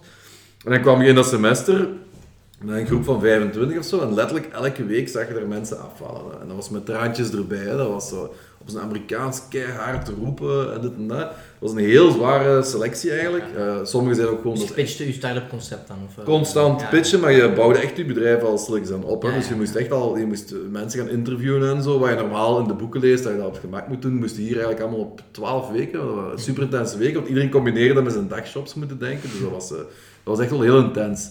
Eh, een MBA in 12 weeks, zal ik zeggen. Ja. En o- op week 10 moest je bedrijf opgericht zijn. Moest je een notaris geweest zijn, dan moest je je bedrijf hebben, je startkapitaal erin gestoken en alles. Anders vloog, op dat- moment vloog nog eens 50% van de mensen eruit. En op dat moment heb ik mensen leren herkennen die de stap niet durven zetten of wel durven zetten. Dan zag je sommigen die eigenlijk al heel ver stonden in hun ideeën, marktvalidatie en dergelijke. Maar dan een persoonlijke risico, dat wilden ze niet nemen. Die dachten, ja, nu moet je kapitaal ophalen. Ja, nee, zo werkt het niet. Je moet eerst echt wel op je eigen risico eh, gaan nemen. En dan zo, ja, ik denk dat er zijn zeven mensen dan afgestudeerd van, van, van die eh, groep die dan... Er waren dan sommigen die met twee waren, dus vijf bedrijven of zo. Die ondertussen ook allemaal failliet zijn, behalve wij. Dus ik wil wel zeggen, de selectie is echt is eigenlijk wel bikkelhard. Hè. Dus we lezen heel vaak de, de succesverhalen, eh, dat is logisch. Ehm, we horen nu ook te veel de faalverhalen, vind ik persoonlijk. Want op een, de, de failing forward zaken en zo. En niks tegen die concepten. En ik ken de mensen daarachter ook goed. Hebben daar nog mee samengewerkt zelfs en zo. Eh, die hebben best fijn nog, nog, gebruikt ter promotie. Maar ik vind soms dat de, de, focus ook iets te sterk op het falen eh, komt, komt te, te liggen. En eh, ja, is meer van principe, ja, that's yourself off and try again een beetje. Toch wel geromantiseerd soms van... eh, Ja, voilà, zo Als van... falen zo goed, daar leer ik even uit. Maar Ja, Je moet, het je moet het beseffen. Hè? En dat is, ik geloof dat, ik weet niet, Ja. ik denk dat in de eerste podcast ook naar boven is gekomen. Uiteindelijk, het is heel mooi om te falen, ehm, maar uiteindelijk moet je er nog altijd de juiste conclusies uittrekken. ja, ja. Je kunt gemakkelijk zeggen van kijk, het is mislukt om die en die reden. Als dat de foute reden zijn, heb je uiteindelijk niks geleerd uit, uit het proces. Dan gaat je exact dezelfde fouten opnieuw maken. Ik denk dat dat een risico is. Eh, allee, je, moet, je moet je aftoetsen bij andere mensen. Andere mensen die zien meer dan jij. En ik denk dat je ook moet openstaan voor eh hetgeen dat die mensen zeggen en u daar ook leren bij neerleggen. Ehm, het feit dat je mislukt bent, is, een, is ergens een teken dat je iets over het hoofd hebt gezien. Soms foute, foute markt, Mhm. foute klanten, een, een, een, een, foute technologie of iets dergelijks, maakt niet uit. Maar allee, het wil zeggen dat je ergens een, een, een fout hebt gemaakt. En ik denk dat andere mensen daar gemakkelijker op kunnen inspelen en, en kunnen zeggen waar die fout zit dan jezelf. Ja, dat belangrijk is je goed omringen, hè, want, Ja. want eh, ja, het is ook zo veel fase, moet je daar nog kunnen opstaan achteraf. Maar inderdaad, je goed omringen, dat je, dat je ja, weet waarom je goed Mhm. bezig bent, minder goed bezig bent. eh. Ja. Ja, en ik geloof ook niet, allee, het is niet omdat je nu in Startup X gefaald bent en zelfs als je die lessen krijgt dat Startup Y gaat werken, hè, de, Nee, de dat odds are still against you. Hè. Je, je kansen zijn nog altijd klein dat het echt gaat lukken, en ook te bekijken wat de definitie van, van lukken is. Hè. Ehm, dus dat, is ook voor elke persoon ja. Eh, ik denk dat, Netlog ook eh, gelukt is, maar Facebook is eh, hetzelfde principe. Wat, als we die standaard gaan hanteren, ja, ja, dan, dus inderdaad, Alleen Netlog is uiteindelijk Toe geworden, een, datingplatform. En hebben ze dan voor 20 miljoen verkocht. Dus uiteindelijk is dat nog wel een soort succesverhaal geworden. Maar als je bekijkt wat dat had kunnen zijn versus Facebook, waar, waar 0,00... 1% van de aandelen misschien die 20 miljoen is, eh, ja, dan is dat wel jammer. Maar nu, die, die founders die hebben ondertussen nog wel een paar andere successen, ehm, een paar andere successen gehad. Ik denk dat het vooral belangrijk is, zoals ik daar straks zei, uh, om in, zelfs als je in een bepaald land zit, om, om, om een ecosysteem van mensen te krijgen die successen gekend hebben. En die die successen, eh, die die learnings meenemen. Dat is veel belangrijker dan dat je... Je gaat toch zelf met, met je hoofd tegen de muur lopen. Dat is veel belangrijker, want je gaat waarschijnlijk dan allee, tegen het hoekje nog eens lopen, eh, een jaar daarna. En je gaat, je gaat heel lang stuiteren voor je waarschijnlijk helemaal juist zit. En die mensen kunnen je wel een paar jaar besparen. Dus dat zijn eigenlijk de beste investeerders die je kunt hebben. Die zijn in België zeker dan ook zeer gegeerd, die mannen. Eh, en dat zijn dan de, de founders van Showpad eh, en dergelijke meer. Of van, van een netlog en dergelijke. Maar dat zijn wel de... Ja, je kunt er heel veel uit leren. En we zijn nog nooit, denk ik, in een maatschappij geweest waar zoveel educational content is. Hè? Eh, Wat zijn we hier vandaag aan het doen? Een podcast aan het maken. Eh, de drie luisteraars die daar aan, één aan het luisteren zijn, of, of, of de dertig, of nee, ik zag juist iets van 30.000 Jan, ik weet niet meer juist. in ieder geval, al die mensen gaan er altijd wel iets uit halen. Eh, en, en, en ik doe dat zelf ook, hè. ik heb er straks gezegd, ik, ik ben fan van een tiental podcasts en ik heb eigenlijk te weinig tijd om, om ze allemaal nog te beluisteren. Ik ben soms blij als het film is tegenwoordig. Dat is het tegenovergestelde van vroeger, omdat je zo een podcast kunt, kunt, eh, kunt zitten. En de informatie die daaruit komt, ja, dat, dat moet al heel veel moeite of veel tijd aan besteden om die online snel vaak terug te mensen die in het video aan het luisteren zijn en ze mogen blij zijn. Ja, ja. Eigenlijk wel. Ehm, jullie werken alle twee heel veel met social media. Hè? Jij uiteraard voor, eh, voor je klanten. Je hebt dat vroeger bij Ambessify, ehm nee sorry, bij, bij eh, Bubobox weet ik dat je het heel veel gebruikt. Ambessify weet ik niet zo. Ehm, Minder, het is minder belangrijk geworden, eh omwille van die reden dat ik daar straks zei, maar het is nog altijd een essentieel onderdeel van de eh, strategieën van, van de meeste klanten van ons. Ja. Ja. Dus dat zit er nog wel in. Ja. Is het, eh, is het anders geworden dan vroeger? Is het, eh, is het meer? Gaat het nog blijven groeien, denken jullie, dat het, eh, dat het populair is? Elk platform heeft zijn eigen evolutie. Hè. Eh, bijvoorbeeld als je naar de, groot, de grootste platformen kijkt, van Facebook weten we dat sin- van sinds 2012, 2013 dat or- organisch een pak minder wordt en dat het een pak moeilijker is vandaag om echt goede community building te gaan doen op Facebook, in mijn ervaring. Waar LinkedIn bijvoorbeeld, in mijn ervaring, aan het pieken is. Een mooie, ah LinkedIn doet het vandaag heel goed. Op zijn eigen manier. Hè. Advertising is dan weer redelijk duur ik, op LinkedIn, eh, waar dat Facebook betaalbaar is in veel gevallen. Ehm, daar kan het nog wel, maar eh, elk platform heeft zijn eigen evolutie. Eh, verwacht je dat er enorm veel social media bij komen of zoiets? Dat maar ja, TikTok is nu zo de verrassing van het moment een beetje, maar... eh, eh, Zat jij er al op? Nee, ik, heb het, ik, ben, ik, denk, Helaas. ik denk dat ik te oud ben. ik heb het nu al, hè. ik heb, ik heb het probeer, ik heb het gedaan, ik heb het proberen mee te werken, maar eh, nee. Ja, ik heb dat ook. aan- hoe ik dat kan merken bij apps is eigenlijk de user interface. Bijvoorbeeld eh, Snapchat, eh, op familiefeesten lieten nichtjes dat dan zien en zo. Ja. En als ik dan zelf iets...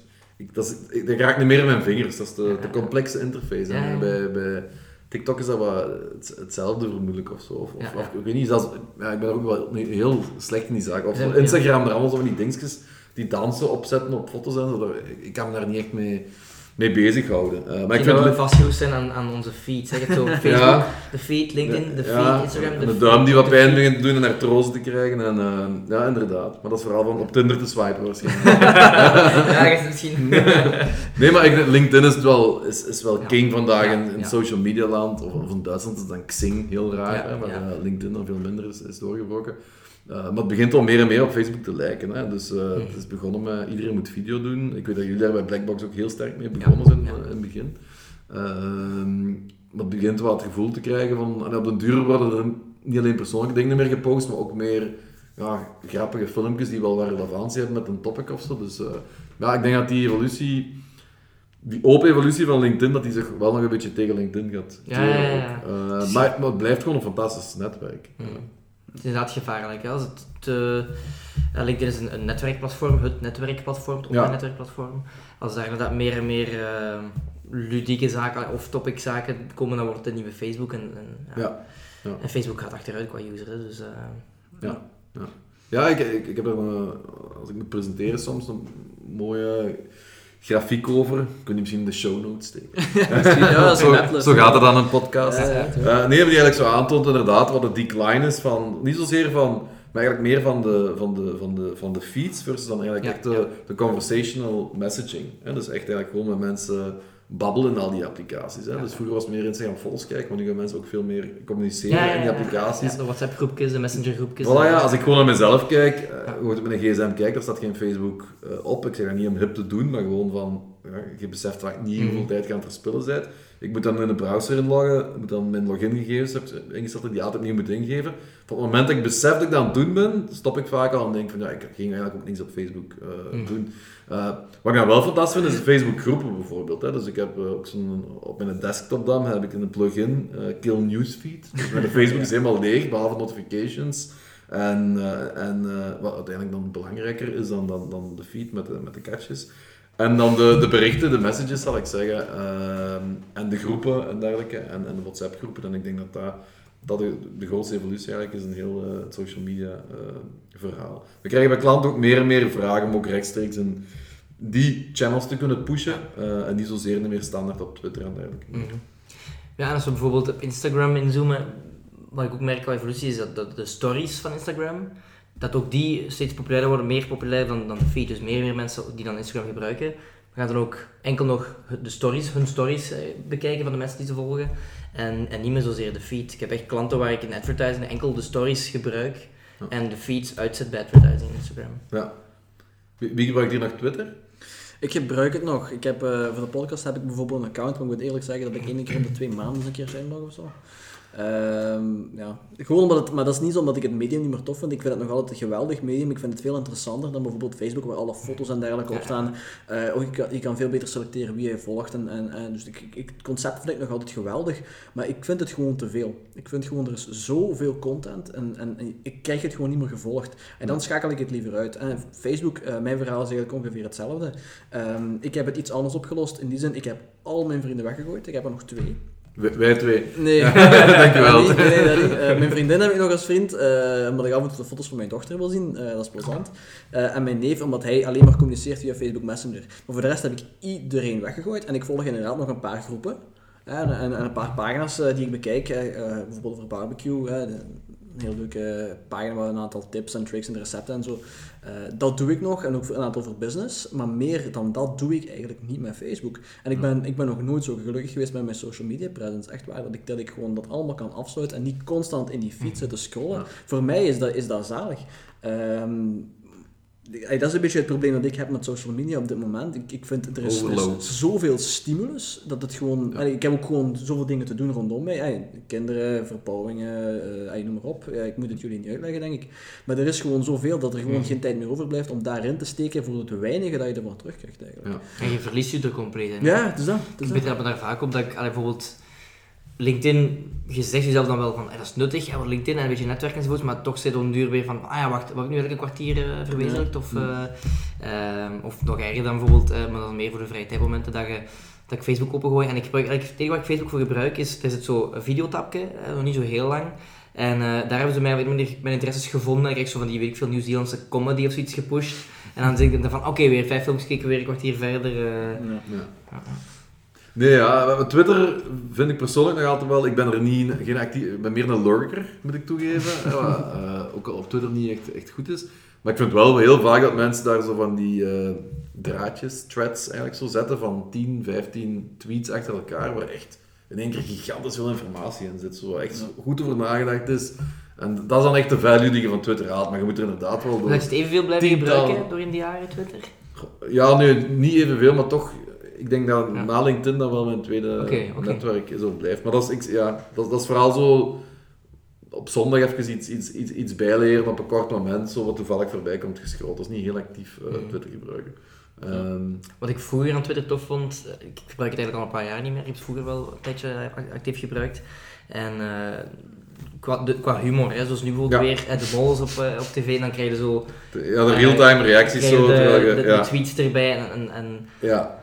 En dat vond ik wel. dat Vond ik ja, wel, ja, dat kan ik ook wel doen. Ik, kijk, ja, Mensen zijn soms Ja, echt weinig tv, nu, het probleem is ook, mensen kijken nu eh, niet meer eh, gelijk, gelijktijdig allemaal. Mensen kijken, uh, achteraf kijken ja. Netflix, dus ja, je bent niet op Ja. elk moment naar hetzelfde kijken. Maar als je inderdaad nog eens een tv-programma hebt, Mhm. ehm, waar je zelf iets grappigs in ziet. Dat gebeurt heel Ja, vaak. Dat bijvoorbeeld ook. Hè. ja, of dat ik in Twitter ga kijken of iemand anders dat ook grappig heeft gevonden en er, die persoon dan, allee, zal ik zeggen, daarmee aan het lachen is. En dat is altijd het geval bij Ja, mij. ja. Er heeft altijd iemand dat gezien die daar een, een super eh, idiote opmerking over maakt.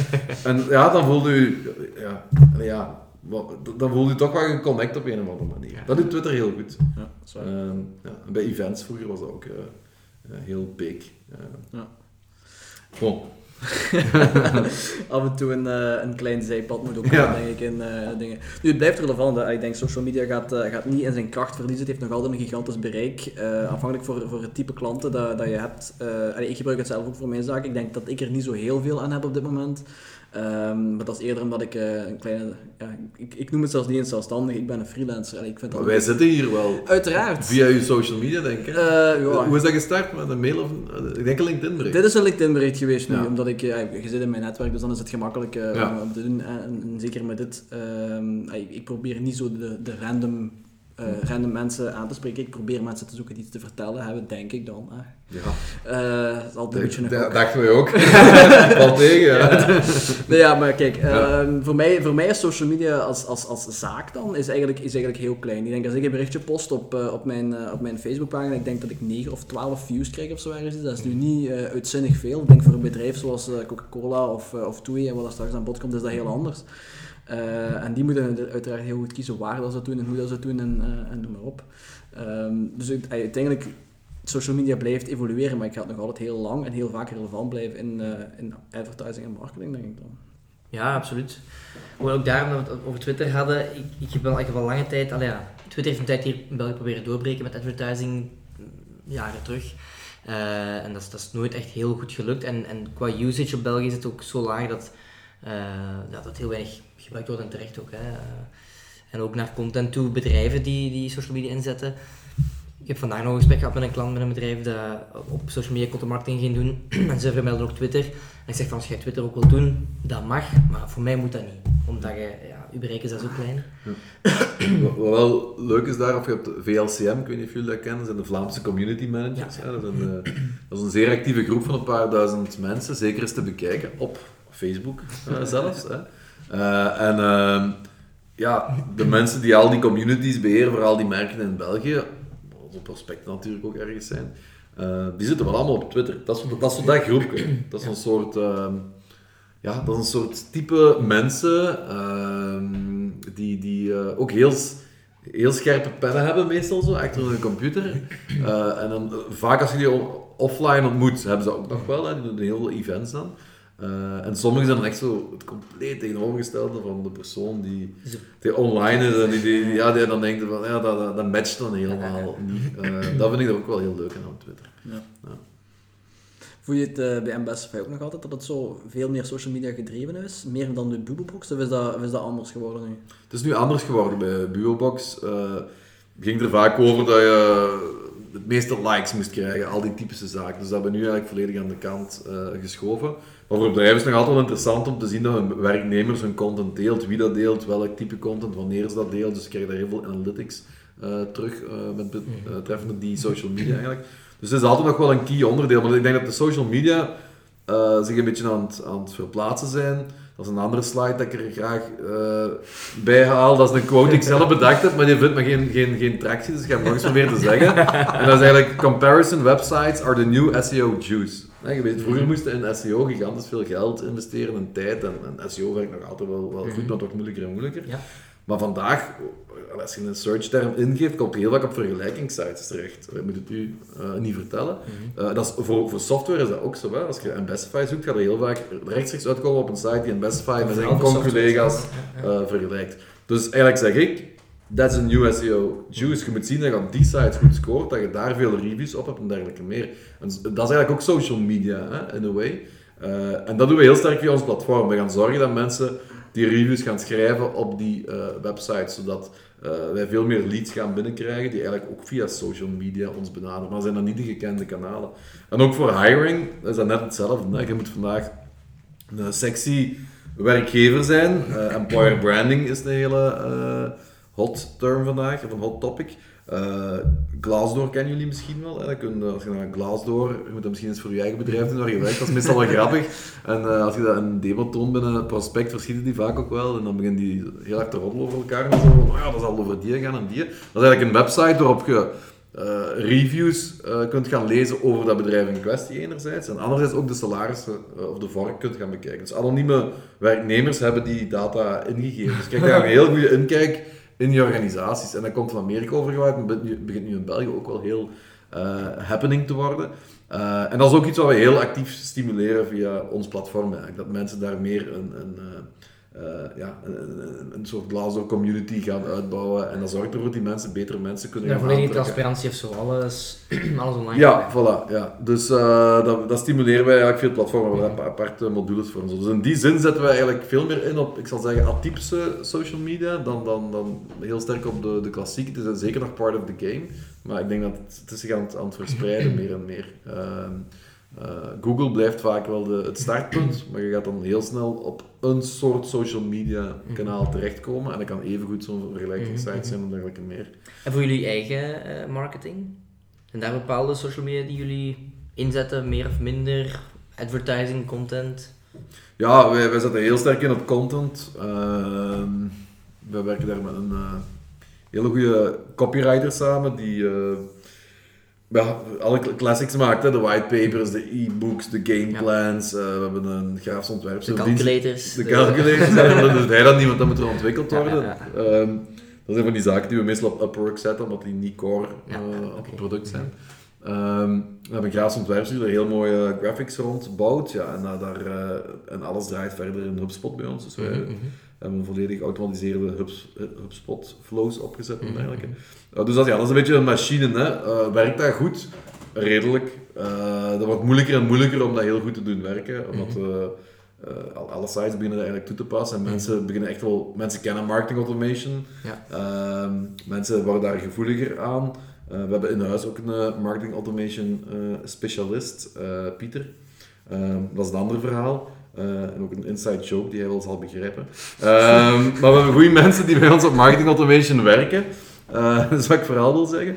En um, ja, daar kunnen heel leuke dingen mee gaan, gaan doen. Hè. Ik bedoel, uh, dat is een beetje zoals, zoals vroeger.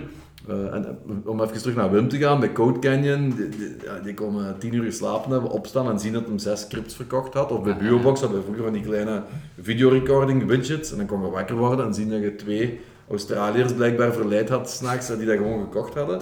Ehm, we hebben nu een platform met de hoge prijsklasse daarvoor. Hè. Hier is wel een human touch nodig, dus dat effect is, is weggevallen.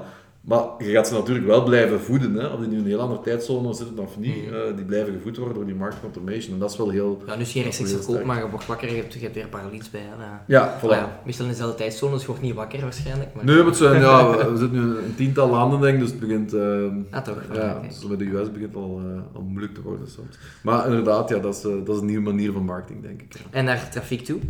Is dat, zijn er bepaalde social media kanalen die zorgen voor trafiek naar al die uh, landingpagina's? Ja, ja, ja, ik, denk dat, ja ik denk dat LinkedIn echt wel ja. king is. Uh, by far, denk ik ook. Hè. Uh, behalve Google advertising en dergelijke mm -hmm. ook. Maar ik bedoel, als het echt gaat... Op LinkedIn kunnen we met organische content ook een heel groot bereik krijgen.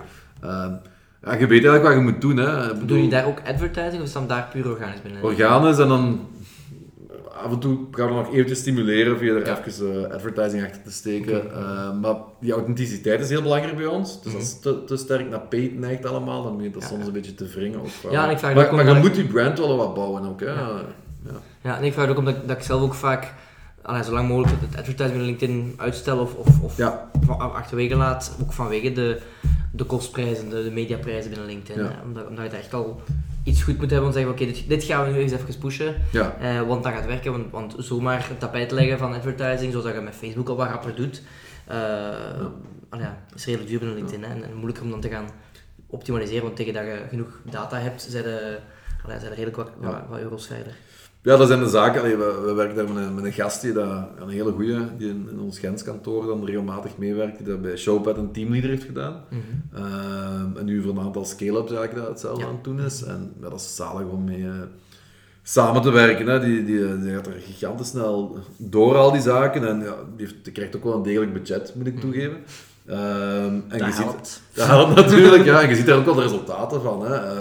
Worden allemaal klanten? Nee, absoluut niet. Maar je, je marketing funnel blijft wel, blijft wel gevoed op die manier. Dus eh, ja, het is heel interessant om te, te volgen. Hè. Het is ergens wanneer je die eh, mix natuurlijk, eh, als je alle knopjes juist hebt afgesteld, dat is typisch een moment dat je echt, echt even gas bij moet geven als bedrijf zijnde. Ehm, en dat durven vaak bedrijven op dat moment ook niet doen.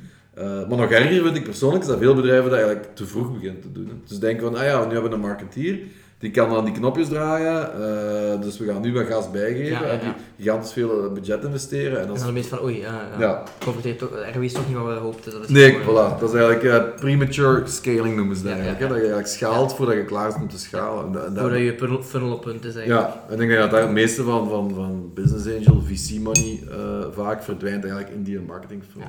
Wat heel interessant kan zijn voor een goede marketeer natuurlijk. Eh, als je daar wel handig mee, mee omspringt. Maar de meeste goede marketeers, heb ik al geleerd, zijn ook heel trots.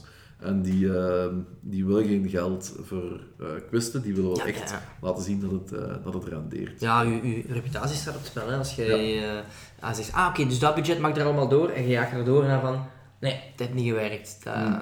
Ja. Maar ligt het dan vaak aan, het, aan, aan de, de targetselectie? Dat wil zeggen dat ze, dat, dat ze de foute markt proberen aan te boren? Of is het gewoon een, de foute technieken die er gebruikt worden? Waar liggen zo de, de meeste fouten die zo gebruikt worden bij, bij, bij marketing? Goh, technieken, uiteraard is dat ook belangrijk. Hè, dat je, je conversietrekking, dat alles goed zit, dat je het ook kunt gaan scalen. Dat je achteraf niet zegt van, ja, we kunnen het niet meten juist exact waar het aan ligt. Je moet dat je alles kunt meten, dat je technieken dat dat goed zit. Maar de 80% belangrijkste is toch wel inderdaad die, die, die product market fit, de juiste doelgroep met het juiste aanbod, op de juiste manier ge, ah ja, verkondigd, verkocht, hè, met de juiste pijnpunten en, en, en de hele funnel erachter. Hè. Ja.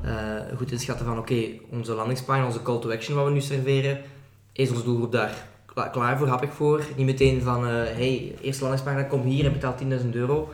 Want iemand die net op Facebook op een ad geklikt heeft, die staat daar niet op te wachten. Dus die hele mix is belangrijk. En de techniek is dan de, is de bijzaak die achteraf belangrijk is, als je gaat optimaliseren, dat je het wel kunt eh, in kaart brengen. Maar als jij, we, stel je voor, we beginnen morgen samen. te- allee, We hebben nu een goed marketingteam. Dit heeft lang geduurd, eerlijk gezegd. Maar dus ik ga het even uh, Ja. afblijven, wat ik even eigenlijk verklaren. Maar stel, ik kom morgen bij u aan, ga je van in het begin commits geven op eh, MQL's? Of ga je Eh. toch zeggen, ja, we moeten eerst wel gaan ontdekken en... eh, In de meeste gevallen, 9 van de 10, eh, is, is, is ontdekken. Zeg van kijk, eh, zeker als het voor hun ook eh, nieuw is, als ze zeggen van we hebben nog geen data, we moeten nog beginnen, ja. dan is het niet aan mij om te zeggen van oh ja, maar zoveel, zoveel kost per lead moet je toch wel zeker kunnen halen in je sector. Dat is, Ja. Die glazen bol heb je niet en dat is Maar je hebt wel benchmarks van andere soortgelijke... Voilà, dat is iets anders. En dan zitten we weer, als, je echt, als we heel gelijkaardige benchmarks hebben, pak nu dat, dat je 10, eh, weet ik veel, eh, je hebt 10 eh zonnepanelenverkopers in je portfolio en de elfde komt aankloppen van zeg, eh, kun jij eh, lead generation voor, voor zonnepanelen? Dan check je een paar aspecten van, van oké, wat, wat doet je bedrijf? Zit je- met Alfmarkt conform? Zit je een beetje in de vijver van al die andere zonnepanelenspecialisten? Eh, dan kunnen we wel gaan zeggen van ja, zoiets moet haalbaar zijn, dan kunnen we richting gaan geven. Hm. Maar als, als je met een SaaS-product zit en je hebt geen data, je weet totaal niet wat dat gaat geven, dan, dan is het de waas om te gaan meteen expectation management leggen van eh, we moeten onder de 50 euro per lead. Je kunt wel gaan vragen vanaf wanneer is het, wat is je break-even punt? Mhm. Ja. En daar gaan we naartoe werken. En ook dan weer in het begin een exploratiefase, zien wat er werkt, wat er niet werkt, daaruit leren. En dan hopelijk zien we dat, dat onze, ons, ons, ons product en onze marketingcampagne matuur genoeg is om richting rendabiliteit te gaan. Want het kan ook zijn dat je leert van oei, het is prematuur, onze marketingfunnel was precies toch niet klaar. En dan moet het terug uh, on hold zetten. Mijn, mijn angst is altijd bij een agentschap, hè, niet specifiek nu bij Mhm. u of zo, van, ik heb het gevoel dat het marketingteam, dat is misschien verkeerd, Mhm. eh, heel sterk in de organisatie moet zitten en zo de kleine dingen moet oppikken aan het koffiemachine. Snap je? Iemand heeft zo'n raar idee of zo en dan moet oppikken en daar misschien iets mee gaan doen. Dat is misschien Mhm. iets meer de creatieve Mhm, marketing. Verlies je dat niet deels als je echt meer als, als eh, consultant op die projecten wordt eh, gezet? En zeg, of zeg je van eigenlijk maakt dat op zich niet zoveel, niet zoveel uit? Ik denk dat dat heel erg organisatie en projectafhankelijk is. Je hebt organisaties eh, die inderdaad, zoals gezegd, die, die zelf intern niet de creativiteit hebben en die gewoon denken dat een marketeer een soort holy grail is van, van ah, dus als ik u mijn idee geef of mijn businessbeschrijving in, in vijf woorden, dan kun jij daar een super campagne van maken of zoiets. Die organisaties heb je en dan is het inderdaad, die kunnen beter interne marketeer hebben die allee, die organisatie wat kan kneden, die die ondernemer kan kneden van wacht, we gaan hier wat dieper op moeten ingaan. Ehm, maar ook organisaties die wel creatief genoeg zijn van eigen, die wel goed weten hoe een product market fit in elkaar zit, die daarop gewerkt hebben en die, eh, ja, die snappen welk verlengstuk die externe marketeer, die consultant voor hen kan zijn. Hm. En dat je dan de wederzijds goede verstandhouding, juist expectation management langs twee kanten, maar het is ook de verantwoordelijkheid als, als externe, als agentschap of als consultant, ehm, dat je die expectation management ook doet. En dat je ook de, op de verantwoordelijkheden van de organisatie wijst. En zegt van, ik zit niet 24 op 7 binnen u. Je geeft me ook niet de tijd of het budget om, om eerst maandenlang uw organisatie te leren kennen. Weten dat dit in orde moet zijn en, en dat we maar kunnen committen voor dit en dit. Ja. En de rest is, is afstemmen en, en, en open en eerlijk zijn tegen elkaar en, en dingen uittesten. Veel testen en leren, dat is, dat is sowieso het ondernemerschap. Hè. Je moet, eh, Absoluut. Zijn er, weet pas of iets werkt als je het probeert. Hè. zijn er zo in België of in het buitenland ehm topmarketeers in je ogen die je echt volgt? Of, of ehm, waar je door laat eh, beïnvloeden, is het verkeerde woord. Maar Mm, eh, mm. ik, ken- ik, ik ken ook zo wel wat namen, maar ik ben benieuwd. eh, het is niet mijn dagdagelijkse job. Wie, wie zijn er dan? God, er er mocht mij ook noemen, hè. Alleen, Ik ga niet vals bescheiden doen. Ja, er, zijn er, er zijn er een paar. Ehm ene, de naam die altijd terugkomt, ook omdat ik er ooit een online eh, opleidingspakket van, van eh, soms eh, gekocht heb, zo'n Mm. e-learning pakket, dat er via een webinar werd, werd opgedrongen en ik was helemaal, is Neil Patel. Ja, ja, ja. Dat is een van de, eh, ehm, Ja. Dus dat is een die, die bij mij qua personal brand heel veel credibiliteit heeft opgebouwd. En iets, iets breder dan marketing, maar dat is dan weer een heel cliché antwoord, is ja, Gary Vee. Hè. Die bombardeert alle social media met content. Dat is zo, Hm. social media even een groot voorbeeld van, oké, zo kan het ook. Nu, heeft ook wel, zit er ook wel genoeg budget in, genoeg mensen die er eh dat dagelijks aan het voeden zijn.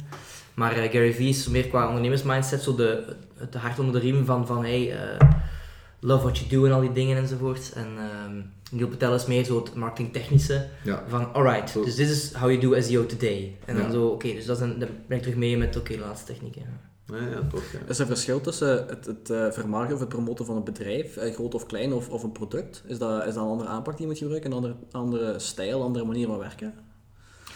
Eh, ja, sterker nog, voor elk bedrijf, en allee, zeker al voor elke sector, maar eigenlijk zelfs voor elk bedrijf is het anders. Ik denk de grootste val in marketing is dat je naar een one size fits all en elke marketeer droomt er misschien ergens wel van of zo van, ah ja, wat als nu dat ene trucje vindt dat voor, voor iedereen gewoon... eh, Ja, maar dat denk ik dat, dat nooit bestaat. Dat is net hetzelfde bij development. Je gaat nooit, allee, de hele discussie over Ja. programmeertalen ga ik hier niet... eh, niet, niet Jawel, die gaan we nu doen. Kom, we hebben nog zes uur. Ja, voilà. eh, C-sharp. We moeten morgen zeker allemaal niet op tijd opstaan te gaan werken.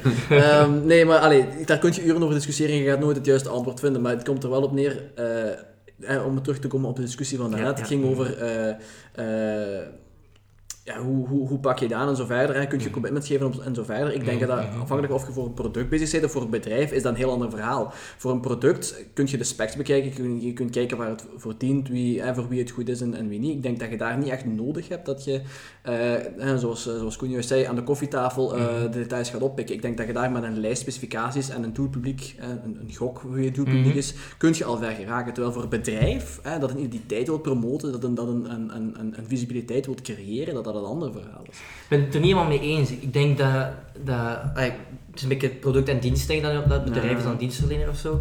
Ehm, in beide gevallen wil je een merk uitbouwen. Mhm. Ehm, en in beide gevallen moet je funnel, hoe je dit wat er bestaat naar buiten brengt. en je dienst kan inhoudelijk veranderen als je product kan inhoudelijk veranderen. Je hebt je, je features, je kunt continu nieuwe sprints om dat uit te breiden. Maar je dienstverlening, hoe je dat uitvoert, je processen, dat kan ook allemaal veranderen. Dus ik zie veel parallellen.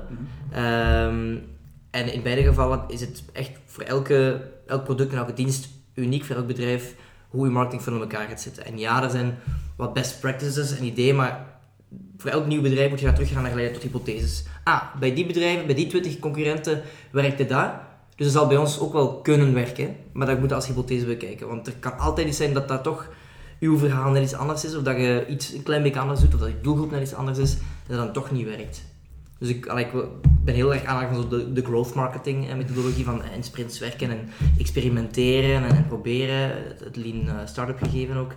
Ehm, het is altijd gevaarlijk om met aannames te werken, denk ik. Uiteraard. Dus, ehm, dus, ik, ik denk, dus ik denk niet dat dat voor product en, en voor dienstverleners per se anders is op dat vlak. Nee. Er zijn andere dingen zijn die werken, maar ik denk dat het even moeilijk of even mak- ik denk dat het één moeilijker of makkelijker is.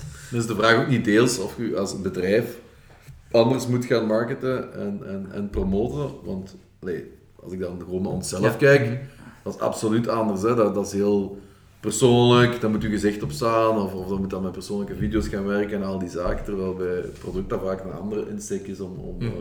eh, eh, je product in de kijker te gaan, gaan zetten.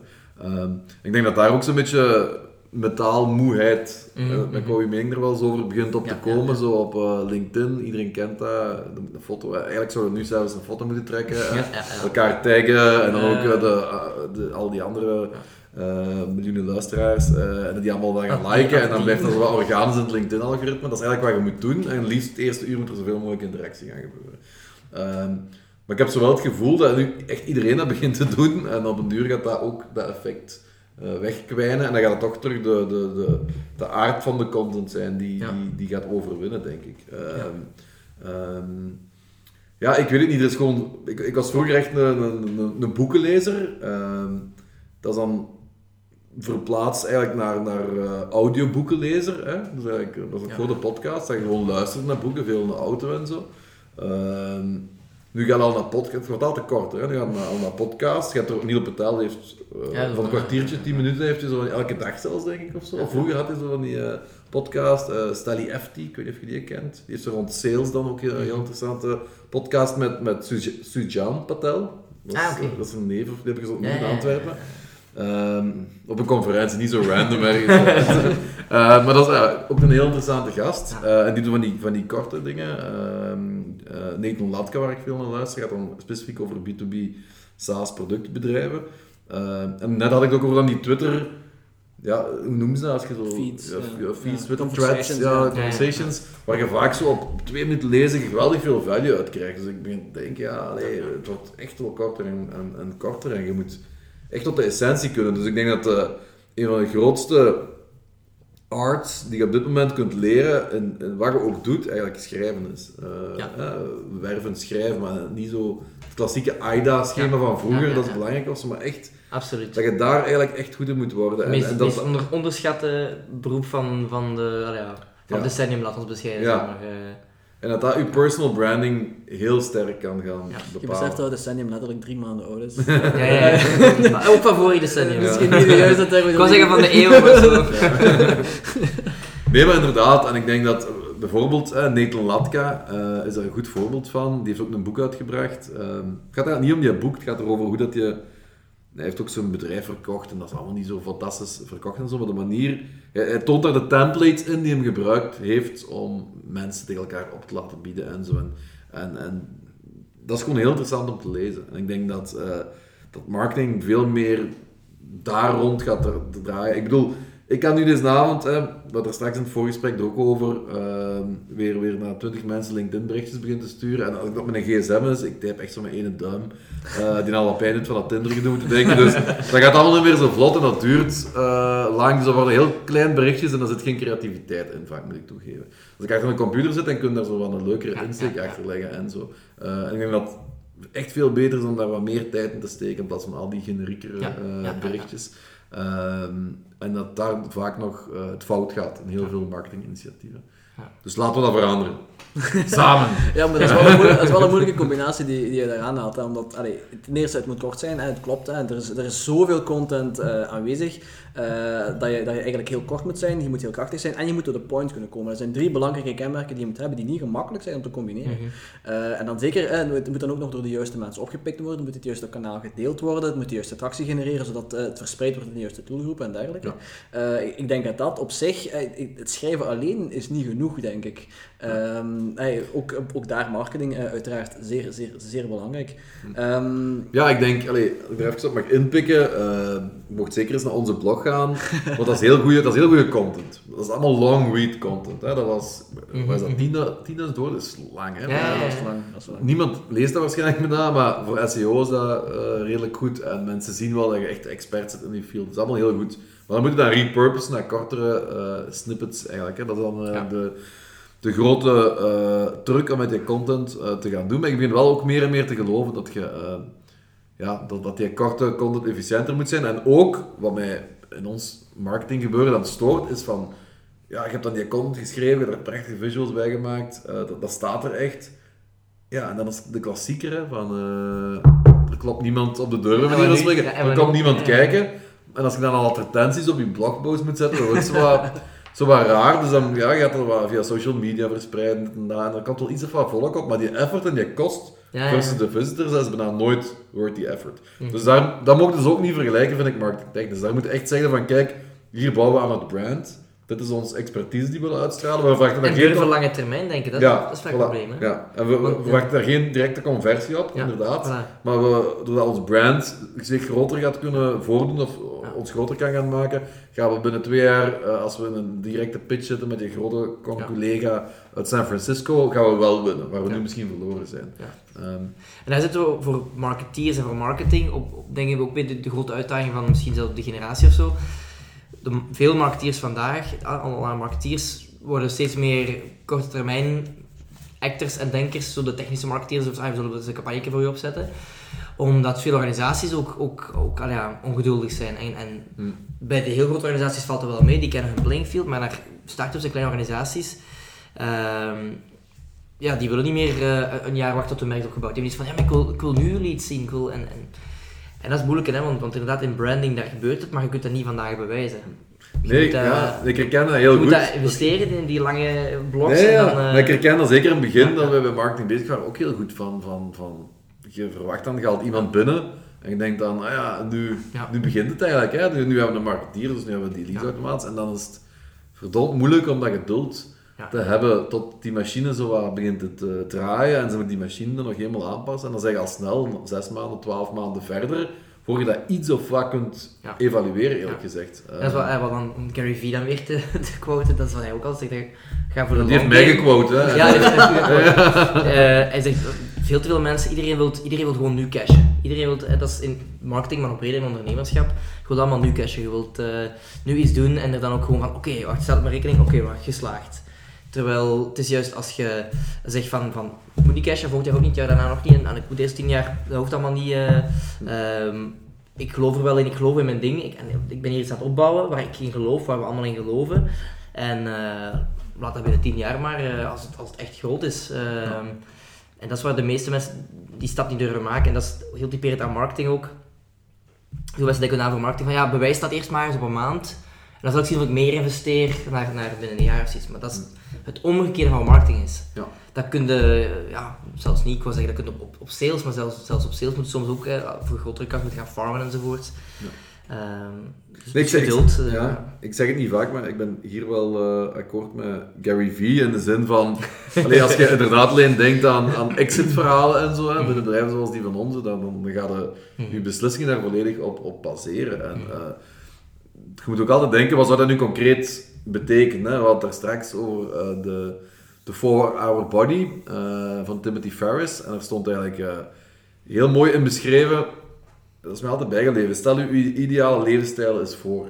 En dan, oké, ja, stel je Ja, even ja. voor. Dat is de 4-hour work ik niet ja, ook, de- ik zei dat ook. Ja, ja, ja, wat zei ik? hè? De For our body body. Ah, ja, ja, ja, och, ja. Ik ben er constant mee bezig, zoals je ziet. Eh, maar inderdaad, ja, de, de, de, de- die andere dan, en die zei inderdaad van, ja, en als je dat dan ging uittellen, Ja, ja. inderdaad, per maand, was dat dan niet dat je in één keer 8000 euro extra nodig had vaak, dat was eigenlijk niet zoveel meer. En dan was eigenlijk het idee, eh, bouw een side business en ga daar verder iets mee doen en zo. Goed, dan zit een segment van lifestyle businesses en dat is Voor de rest niet te veel uit die 4-hour workweek halen, want is- Ja, nee, dat is wel één ding wat me is bijgebleven. En de outsourcingsdingen, daar, vond ik ook wel een met die key... virtuele assistenten en zo. Ja, ja, een key element eigenlijk in. Maar allee, dat is een hele... Een, eh, dat vond ik daar wel een, een straf in. En bij de meeste mensen klopt dat ook wel. Mhm. Ehm, en eens je dat beseft, kun je dat ook wel makkelijker loslaten, denk ik. En ik vind ook, eens je bedrijf aan het opbouwen, uitbouwen bent, je bent dus veel gevoeliger aan andere dingen die gebeuren in je organisatie dan aan... eh, dan aan, aan, aan, aan geld en dergelijke meer. Je, weet toch in, de achter, in je achterhoofd weet je dat je evaluatie aan het opbouwen bent, of als er een nieuwe investeringsronde komt, dan zie je ook daadwerkelijk dat op, op papier hè, je, je wat rijker geworden bent. Ja. Op papier, hè, want het moet ooit Ja, ja, ja. gevaloriseerd kunnen worden. Maar je bent veel gelukkiger als je dingen binnen je team ziet gebeuren. Dat klinkt, dat klinkt heel, heel flu.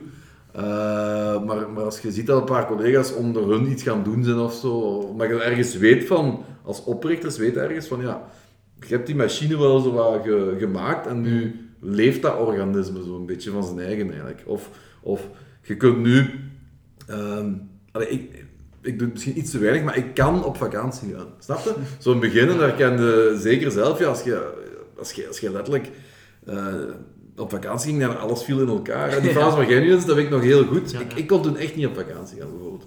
Ehm, dan, allee, misschien lag dat ook aan, aan de persoon die toen met mij samenwerkte, dat die die verantwoordelijkheid dan niet kon, Mhm. Kon eh, dragen. Dat was eh pre- en beste vooral duidelijk. Ik vertrek maar wel met mijn laptop altijd. Ik durf er niet eh, achter... Ja, ik kan ik, niet achter. ja, ik ben nooit met mijn vriendin achterna gesprongen.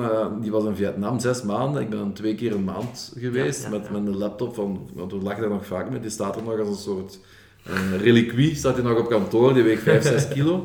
Eh en daar heb ik heel, heel eh, Zuidoost-Azië mee gezien. En dan ja, gewoon s'avonds was het denk ik, eh, als ik het goed... Ja, dan was het dan, was dan overdag zeker in, eh, in België. Werkte ik gewoon voor eh, Belgische eh, klanten, of toch zeker de mailcommunicatie, en dan andere mensen brieven die dan naar Mhm. België het uitvoerende werk deed. En die mensen hebben nooit geweten dat ik in Azië zat. Oké. Ja, die zullen wel wat rare kippengeluid op de achtergrond hebben gehoord. Eh, maar ja, dat eigenlijk nooit. En ik vond het toen ook... Ik durfde dat ook niet goed zeggen of zo, toen. Ja. Dat was zo van, ehm, dat, ja, dat, dat paste zo. Ik wou, niet, ik wou niet dat dat te geweten was of zo. Ehm, maar ik wil maar zeggen, eh, dat was eigenlijk het punt wat ik wou maken. Je hebt ook die klassieke boek van, ik denk Michael, achternaam ontglipt mij, eh, die eigenlijk zegt van, you have to work on your business and not in your business. Ik denk dat dat ook een fase waar jij nu in zit, zo het moeilijkste is. En eens je dat kunt doen, en ik begin nu in die positie te zitten, dan begint het echt wel leuk te worden. Niet dat ik al die zaken in de business niet graag Ja, doe, ja, ja. maar ja, je, had er in het begin over, hè. je moet, moet gaan kiezen en dan eh Ik zit ik liever na te denken, oké, wat zijn zaken die, die we nu het volgende half jaar gaan doen, wat zijn de key priorities, in plaats van eh, echt heel sterke dag dagelijks Mhm. operationeel. Ja, ja, ik denk dat bij mij ook zeker is, omdat ik ben dan begonnen als, ja, als freelancer, consultant, dus je zit sowieso al niks fysiek aan het opbouwen. Ik bedoel, jullie waren een product aan het bouwen, jullie hadden een product. Bij mij was echt gewoon, ja, ik ben gewoon mijn uren aan het, aan het verhuren en, enzo- enzovoort. En ehm, nu komt inderdaad in de fase vanaf dat je een team begint uit te bouwen, eh begint te zien van, ah, oké, wacht, ik ben hier wel value aan het creëren. Ik ben hier iets aan het doen dat, dat belangrijker is dan money, weet je. Je zet in het begin gewoon uren verhuren, oké, komt geld binnen, komt op de plank en, en, en je kunt verder. Eh vanaf dat je inderdaad, zoals gezegd, dat team, ik herken dat wel, als je eh, een team en je ziet dat die samen gaan doen en dat je iets gecreëerd hebt, mensen samen enzovoort, dan voel je van oké, er is meer in het leven dan, dan de, de facturen die uitgaan. Dus het is hier echt iets, eh, en dat is misschien te filosofisch, maar dat is inderdaad wel eh, waar het om draait. Het ding is, Voilà. eh, ik heb vroeger Twee ondernemers zonder ambitie. Twee ondernemers en een onnozele freelance. nee, eh, nee, ik herken het ook wel. Ik heb, eh, ik heb ooit een heel tijdje geleden geluisterd naar eh, een podcast van, van Seth Godin in de tijd. En helaas is dat nu niet meer ter beschikking. Dat stond toen op, op iTunes. Dat was eigenlijk een, een, een, een korte samenvatting van een seminarie van een week, geloof ik, dat hij toen gegeven heeft in New York, als ik me niet vergis. Waar had hij, zo, hij heeft daar zeven of acht episodes van gemaakt van een half uurtje. En dan, hij heeft dan een aantal sessies zelf gegeven, een aantal sprekers gekomen. En er waren echt zo echt soundbites eh, uit die verschillende sessies die over een paar dagen eh, gegeven zijn.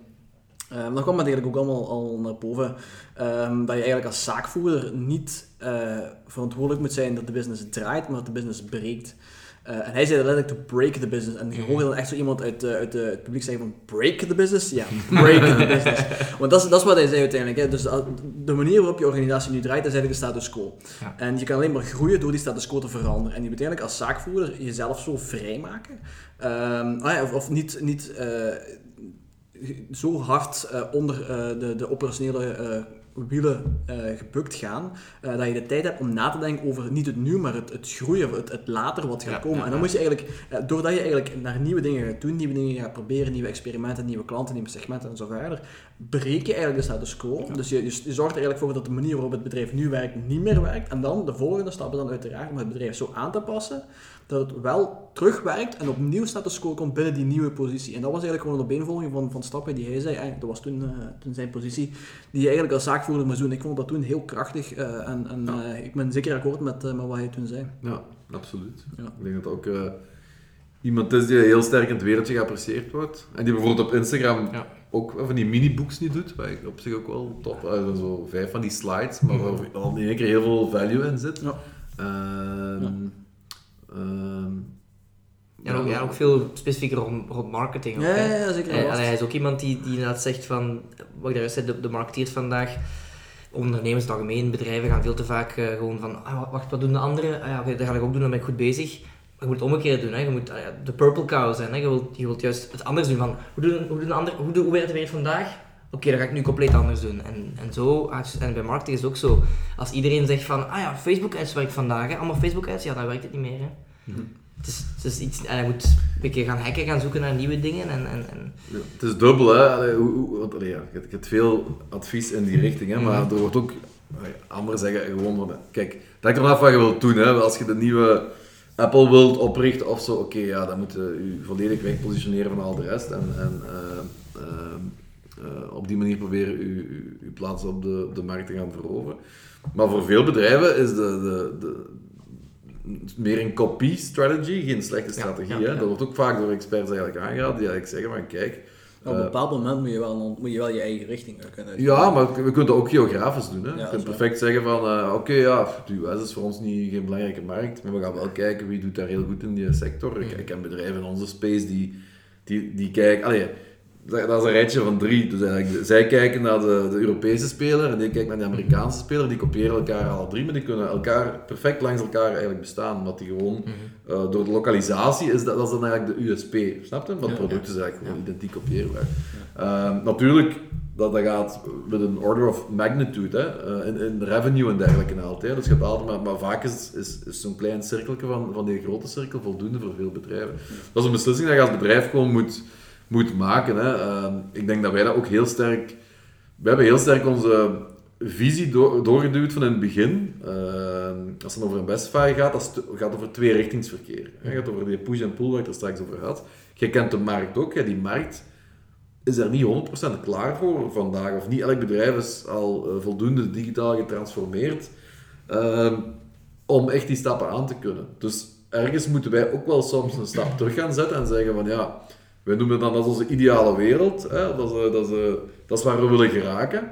Maar we snappen heel goed dat we met baby steps moeten gaan beginnen. En dat we echt eh, die baby steps nu het eerste halfjaar of het eerste jaar gaan uitwerken. Eh, wat heel frustrerend is, als, als, als team dat het product bedacht en gekneden heeft, zoals je kent al de value, en je gaat zo'n klein stukje van die value dan gebruiken. Wat is langs de andere heel bevredigend, om doorheen de jaren dan te zien dat mensen meer en meer van dat product beginnen te gebruiken en eigenlijk naar dat promised land, die ideale wereld, wel beginnen toe te gaan. Ehm, en dat is nu heel concreet een challenge die we op dit moment aan het uitwerken zijn om dat eh, eh, zo low touch mogelijk aan te kunnen passen. Dus nu pakken we dat heel sterk aan door daar customer success mensen op af te sturen en, en die heel sterk te begeleiden dat traject, redelijk strategisch. En we willen nu dat meer product-wise gaan aanpakken. Dus eh met UX, UI specialisten en dergelijke zijn we nu bezig om, om, om heel die beweging die ik juist geschetst heb in het product te gaan integreren. Je onboarding flows bouwen, bedoel je? Dat je, Ja. eh, In plaats van daar naartoe te lopen, dat de, de marketeers, de mensen die met het product bezig zijn bij de klant, dat die af en toe meekrijgen van, hey, goed, je hebt dat gedaan, probeer nu zeker dat eens. Ja, daar zijn we nu heel sterk op aan het inzetten. Dat, en dat is natuurlijk, ja, als je dat goed krijgt, dan, dan, Ja, dan kunnen we ja, veel meer eh, hands-off model hebben, wat natuurlijk veel beter schaalt. En op een bepaald moment wel nodig om echt die volgende Mhm. fase van groei te kunnen aanpakken. Ehm, dat is iets waar veel te weinig mensen mee, ja. Bedrijven mee bezig zijn, denk ik. En dat is ook, eh, ja, dan moet je die status quo door. Die wordt echt wel gechallenged daar ook, hè, want je moet dan, eh, alles komt dan samen. Dat is niet zo van, ah ja, het is een nieuw UX UI eh, design of zo. Nee, heel je messaging gaat veranderen, heel je vaak branding, UX UI, je business model kan dat gaan beïnvloeden en dergelijke. Want het kan zijn dat je op een andere manier gaat werken, dat dat een andere invloed heeft op je, je business model moet gaan schalen.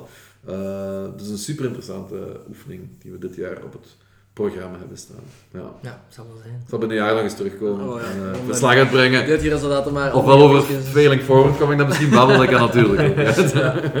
Ik wil nog eens even terug inpikken op eh, iets wat, eh, wat er straks even gezegd werd. Ehm, ging het over eh, dat mensen nu te vaak op korte termijn via social media een heel snelle reactie willen hebben, heel snel bevestiging willen hebben van hetgeen eh, wat ze hebben. Ze willen heel snel bewijs zien dat het werkt voordat ze verder willen gaan. Nu, nu een, een, een eh, subsegment, zal ik zeggen, waarin die techniek wel gebruikt wordt, is validatie. Dat je bijvoorbeeld een, een concept hebt, je maakt bijvoorbeeld een landingspagina of iets dergelijks, een heel eh, een proof of concept, gelijk zou noemen. En dan ga je eigenlijk met social media daar even zwaar op inzetten om te kijken wat de tractie is, wat de reactie is. Om dan later het project volwaardig uit te bouwen en een echt brand op te bouwen. Dat, ah, ik veronderstel dat dat iets is wat je wel nog eh, ziet als, als iets op korte termijn dan. Ja, zeker. En dat is ook iets wat ik bijvoorbeeld zelf bij klanten vaak aanbevelen in het begin. Hè, van, van, begin altijd met, met wat testcampagnes, ook weer naar expectation management. Van we gaan dit testen en dan weten wat er werkt niet werkt. Uh, maar het mag ook geen paspartout oplossing zijn. Op het moment dat je zegt van oké, we gaan validatie doen, je mag ook niet te vroeg gaan zeggen. Maar je moet niet gewoon van hey, wat als? Kom, ga dat, ga dat valideren. Als je social media campagnes gaat uitbouwen, moet ook wel weten dat wat je, naar, wat je in die test gooit, moet in elk geval de hypothese hebben van dit gaat werken. Je moet er echt wel in geloven en dan uh, uh, ook nadenken van wat zijn hier de juiste kanalen, op welke manier. Dan, ook weer, dan komen de technieken weer aan te passen enzovoort. Maar dat is iets dat ik inderdaad vaak wel, uh, wel toepas. Ja, ja ik, vroeger experimenteerde ik daar zelf ook wel heel vaak mee. Dat is opnieuw het Icon-tijdperk, Many Moons Ago. Maar Allee, omdat we dan vaak de tijd niet hadden om die idee volledig uit te werken, was het heel simpel. Hè? Dat was zelfs niet een landingspagina. Wij maakten gewoon een site alsof het product er was. Mm -hmm. Dus maar echt er gewoon was. Make it till you make it. Ja, echt alsof het er was. En dat was zelfs met creditcardbetalingen. -hmm. En dat we, we integreerden Ogon, heette dat denk ik. dat was dan ook geïntegreerd. Redelijk, redelijk duur. Uh, herinner ik me daar vooral van. En dan, van het moment dat ze dan uiteindelijk de, eh, niet pay klikten, maar wel op de betalingspagina waren, dan kregen ze een melding dat de out of stock was, bijvoorbeeld. En dan gingen we gewoon kijken, ja, hoeveel mensen gaan, gaan heel die flow eigenlijk door, hebben echt al op order geklikt en, en gegevens ingegeven, nog geen creditcardgegevens, want dat we niet juist voelen. Dat was het moment dat we eigenlijk stopten. Hè? Dus je zou nog altijd een volk in die stap verloren hebben, hè? die uiteindelijk dan niet, geen creditcard hadden of, of, of niet ingegeven. Maar zo kon als je daar dan Google AdWords op uh, losliet, we konden perfect gaan zeggen, oké, met een budget van 450 euro heb ik 9 bestellingen op, op dit, uh, vermoedelijk, hè, of, of tussen de 5 en de 10. En zo kunnen we al heel snel ideeën gaan testen. Als ik vandaag iets nieuws zou beginnen, zelfs bij, bij een softwareproduct, lukt dat even goed. Uh, alhoewel mensen vaak een trial verwachten aan die zaken, dus dat is soms iets uh, moeilijker als je eigenlijk niks hebt aan de andere kant. Maar met screenshots en zo kunnen ook al heel veel uh, doen. Ik wil of ze kunt laten opzijnen voor een trial die gratis is de eerste 14 dagen en dergelijke meer.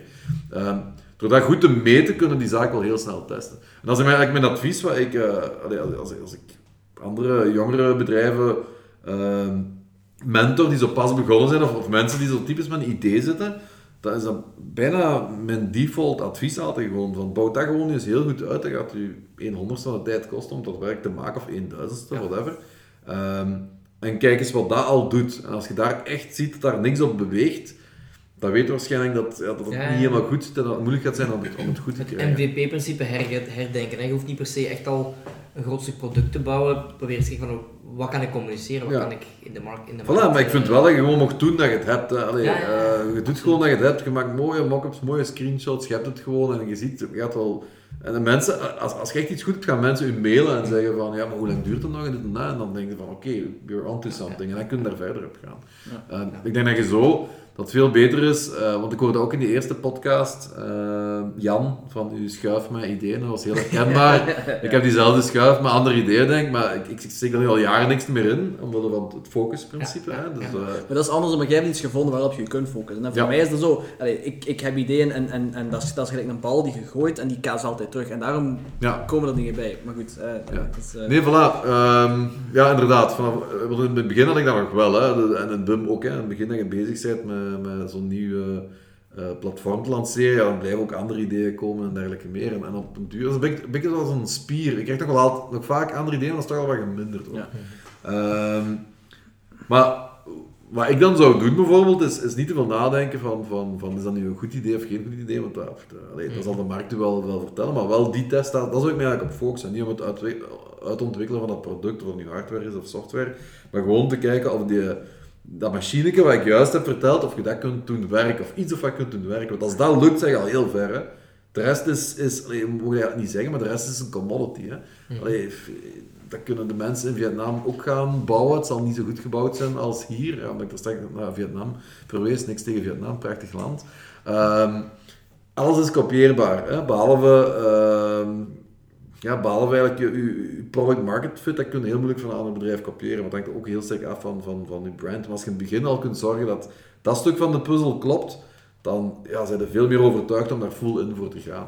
Ik geloof ook sterk dat je ineens full in moet gaan. En dat is dan mijn persoonlijke eh, mening. eh, en dan moet er eh, geen 24 maanden zijn of zo. Je kunt er een andere termijn op plakken. Maar ik, ik, ja, je, moet, eh, je, je safety net moet ergens eh, ja. weg zijn zonder...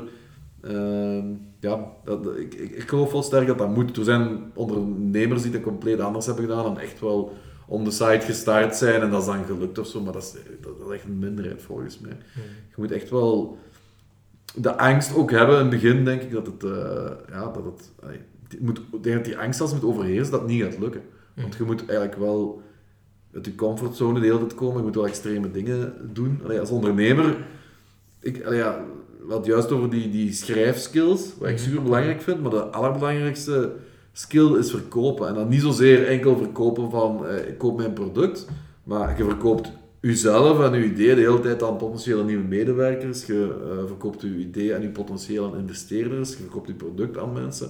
Dus eigenlijk zeg je de hele tijd aan het, aan, aan het, eh, aan het verkopen. Eh, Ja, is dat een stap die je, die je eh, dus eh, als je zegt van all in gaan, is dat iets wat je doet voor de validatie of na de validatie? Om die daar even op terug te komen. Ja, en ik zeg nu wel, ik zou het waarschijnlijk zo gedaan hebben, maar eerlijk gezegd, ons product was absoluut nog niet voldoende gevalideerd eh, toen om all-in te gaan. Dat was eigenlijk een stuk risico. Maar dat kwam, we kwamen uit het Founder Instituut, of ik kwam dan, daar dan uit. Ehm, dus we wisten wel dat er iets, eh, wat echt, we waren al serieus gevet geweest, zoals ze dat zeggen. We hadden al serieus tegenwind gekregen dat ideeën, en dat verstrok van verschillende ideeën en zo. Hun principe is heel sterk, het draait niet zozeer om het idee. Eh, En daar gelooft iedereen wel, denk ik. Het idee is echt niet zo belangrijk. Want, want als je nu gaat kijken wat we toen Founder Instituut met buiten gewandeld zijn en wat nu Ambessify dan is, eh, eh, ja, dat, dat is wel een heel groot verschil bijvoorbeeld. Het idee is niet belangrijk. Zelfs de ondernemer is niet super belangrijk. Het is meer hoe dat de ondernemer naar dingen kijkt. En dat gingen zij dan heel sterk testen. Met, en dan hebben ze zo'n een deel persoonlijke eigenschappen. Hoe makkelijk kun je tegen discomfort, hoe makkelijk eh, past u aan aan nieuwe situaties. En er zijn zo'n paar kenmerken, threads eigenlijk, die ze in kaart brengen. En die mappen ze dan ook uit de mensen die afstuderen uit dat programma. En mensen die dan exiten bijvoorbeeld, in, in, dat is voor heel de wereld. Hè. En zo wordt dat algoritme altijd verbeterd. eigenlijk. En op een duur, eh, dat, dat, is, dat is geen rocket science, maar op een duur kunnen ze beter gaan voorspellen wat een succesvolle exit of ondernemer gaat worden dan anderen. Daar- Eigenlijk wat voor profiel je nodig hebt voor bepaalde... Voilà, dus dat, op zich vind ik dat wel eh, interessant. Hè. Is al met kortje zout nemen, maar, maar zo werkt het dat principe. En wat dan heel interessant was, was dat je al die oefeningen die je normaal eh, academisch krijgt, zoals je daar straks zei, waar je uiteindelijk niet veel meer leert, die gebaseerd zijn op principes van 10, 20 jaar geleden, dat je die nu wekelijks niet als oefening moest doen, maar echt in de praktijk moest doen. Hè. Je moest op Fiverr dingen, mensen dingen laten doen in X en Y. Je moest... eh, eh, je product moest al voor een stuk ontwikkeld zijn. En van, je moest je Ja. was echt bezig, dag en nacht eigenlijk, aan dat product. En dan kwam nog eens een grote stap bij de Founder Instituut van, en nu moet je bedrijf gevormd zijn. Dus dan moest je al weken op voorhand mee bezig zijn met notaris een afspraak te maken. Zien dat je startkapitaal had, dat er zei zich allemaal niks van aan. Je moest daar met je, met je documentje komen dat het gevormd was. En dat was dan niet om 12 uur die dag binnen, dat is echt like op school. Was het eh, gedaan, hè? Er waren mensen die erna toevallig pas, eh, dat was een super streng. Oef. ja, dat was echt... eh, dat- kapitaal en zo. eigenlijk is dat niet slecht, hè? want allee, je bent nog altijd... Allee, je hebt het opgericht dan, hè? daar draait het eigenlijk om. Ja, ja, Zo dat ja, het kaf van het koren schijnen.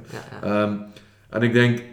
Maar stel dat je zo'n stap niet wilt zetten in zo'n incubatorprogramma gaan en dergelijke meer, dan denk ik wel dat je eh, dat principe wat ik juist zei, dat je dat voor, zo voor een stuk kunt gaan, eh, kunt gaan simuleren. Ik denk wat je altijd mee moet oppassen is als je zo'n nieuw idee start, dat je het jezelf te gemakkelijk maakt door het zo wat on the side te proberen.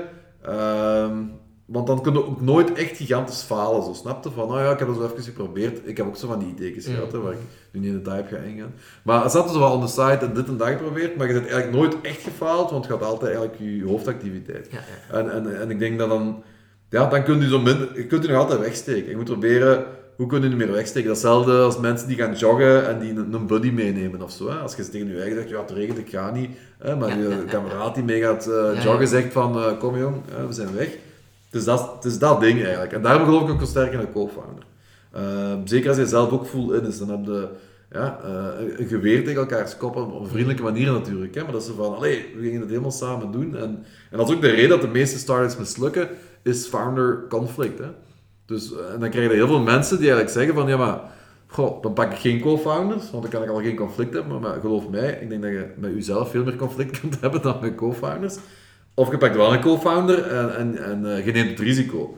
En vaak zie je dan, als ik nu terugkijk naar die bedrijven waar ik er straks over had, die failliet zijn gegaan, eh, in verschillende programma's waar ik heb ingezeten door in de jaren en dergelijke meer, is dat heel vaak founder conflict. En ik heb daar geluk mee gehad, of samen geluk afgedwongen. En dat is ook niet dat wij, allee, dat wij eh, elke avond samen in de bioscoop eh, zitten en elkaars deur plat lopen of zo. Wim en ik nu bijvoorbeeld. Ehm, maar er is wel allee, respect en vertrouwen en uiteraard vriendschap komt er een aantal tijd bij.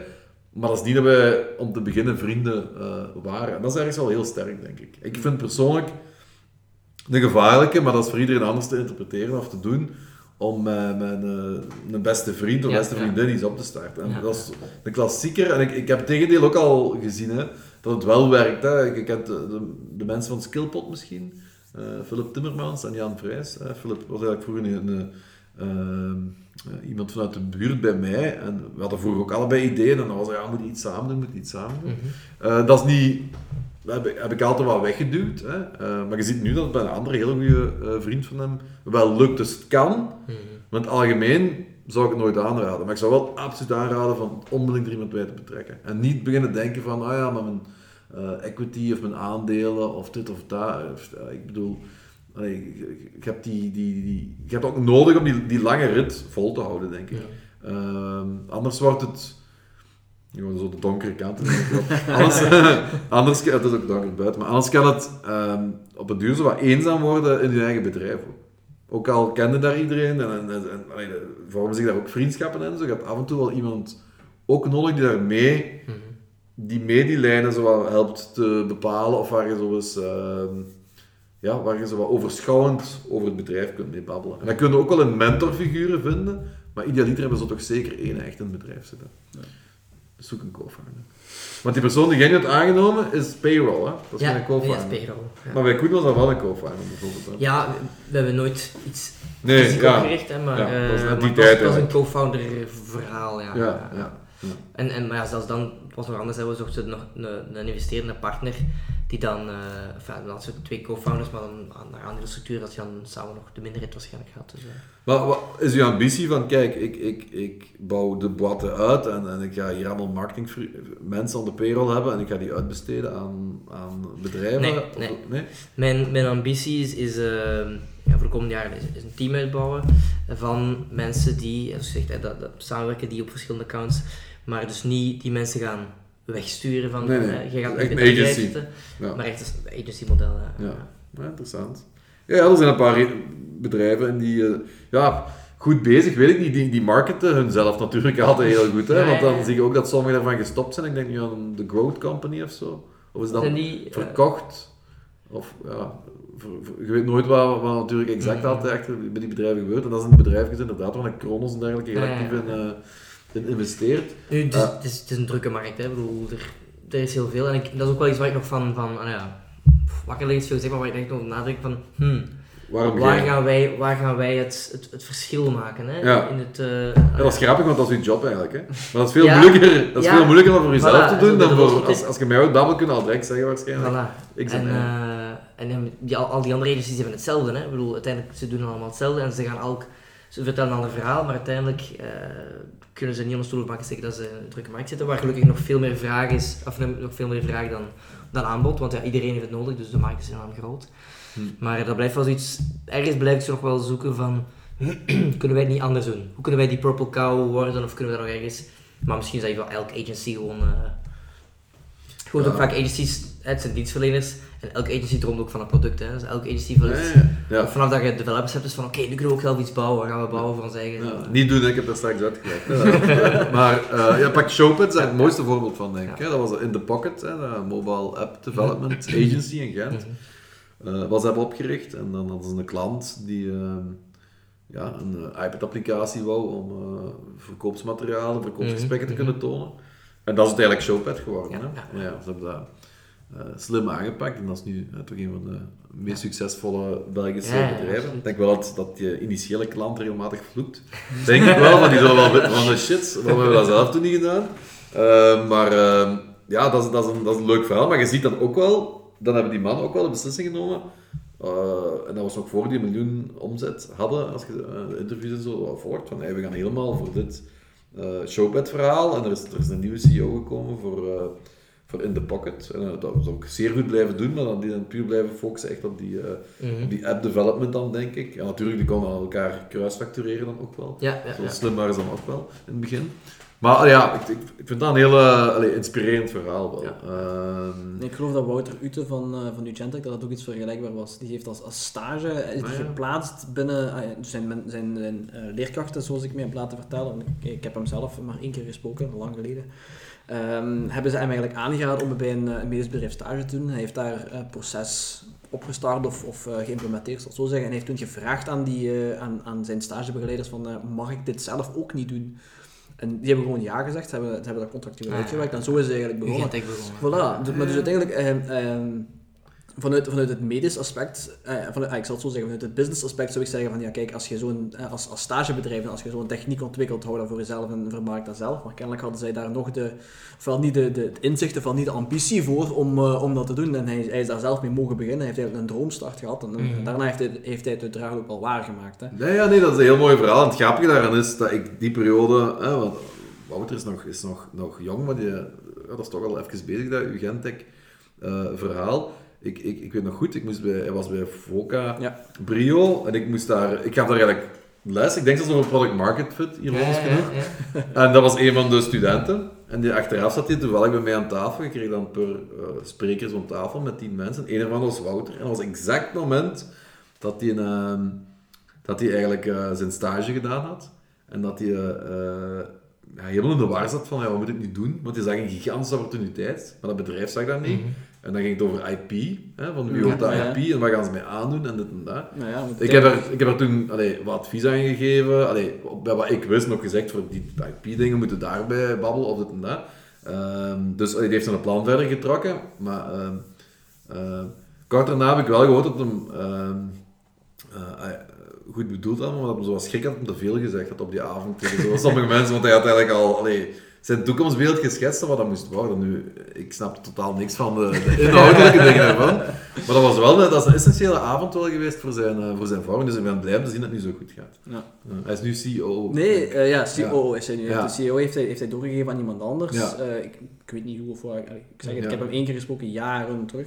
Ja. Eh, maar op zich, allee, ik, denk, ik denk dat hij zich nu in een positie heeft gezet die beter bij hem past. En, en het echte manager, dat hij dat nu aan iemand anders heeft overgelaten. Wat ik, allee, wat ik alleen maar kan, eh, kan, eh, kan, Ja. kan aanraden. ik heb nog zo verhalen gehoord van mensen die uiteindelijk eh, jaren CEO geweest zijn van een bedrijf. En uiteindelijk, als, als je merkt dat het niet past, allee, geef het dan door aan iemand anders alsjeblieft. hè. Allee, de bedoeling is dat het bedrijf groeit en als, als, als je niet de juiste persoon bent eh, om het bedrijf te leiden, eh, dan moet je op een bepaald moment durven toegeven, want dat is ook een, een, een belangrijke stap, Ja, ja. denk ik, en dan, eh, dan de fakkel doorgeven aan iemand anders. Inderdaad, ik denk dat je jezelf op elk moment in, in twijfel moet durven stellen. Maar als je het gevoel hebt van... Dat mij staat het simpel. Ik denk altijd van, oké, stel er komt nu een nieuwe CEO beter. Wat zou er veranderen? Stelt je dat een beetje voor. En dan is het meestal de conclusie van, oké, dat is nu, nu niet het moment. Mhm. Als we dubbel zo groot zijn, kan dat perfect zijn. En dan vind ik ook dat je die stap moet kunnen zetten. Dan gaat het voor jezelf misschien ook Mhm. aangenamer maken, eh, of whatever, om dat te gaan doen. Waar je wel mee moet oppassen, en dat zie ik nu recent, en dat heeft ook in de pers een paar keer gekomen, ehm, maar we gaan geen namen noemen, dat we een paar afspraken die we gemaakt hadden. Maar wat ik in België meer en meer ziet gebeuren, en in de US is dat al, al veel langer zo, ehm, is dat founding CEO's eh, uit het bedrijf ge, ge- gepusht worden vanuit een heel sterke investeerdersdruk.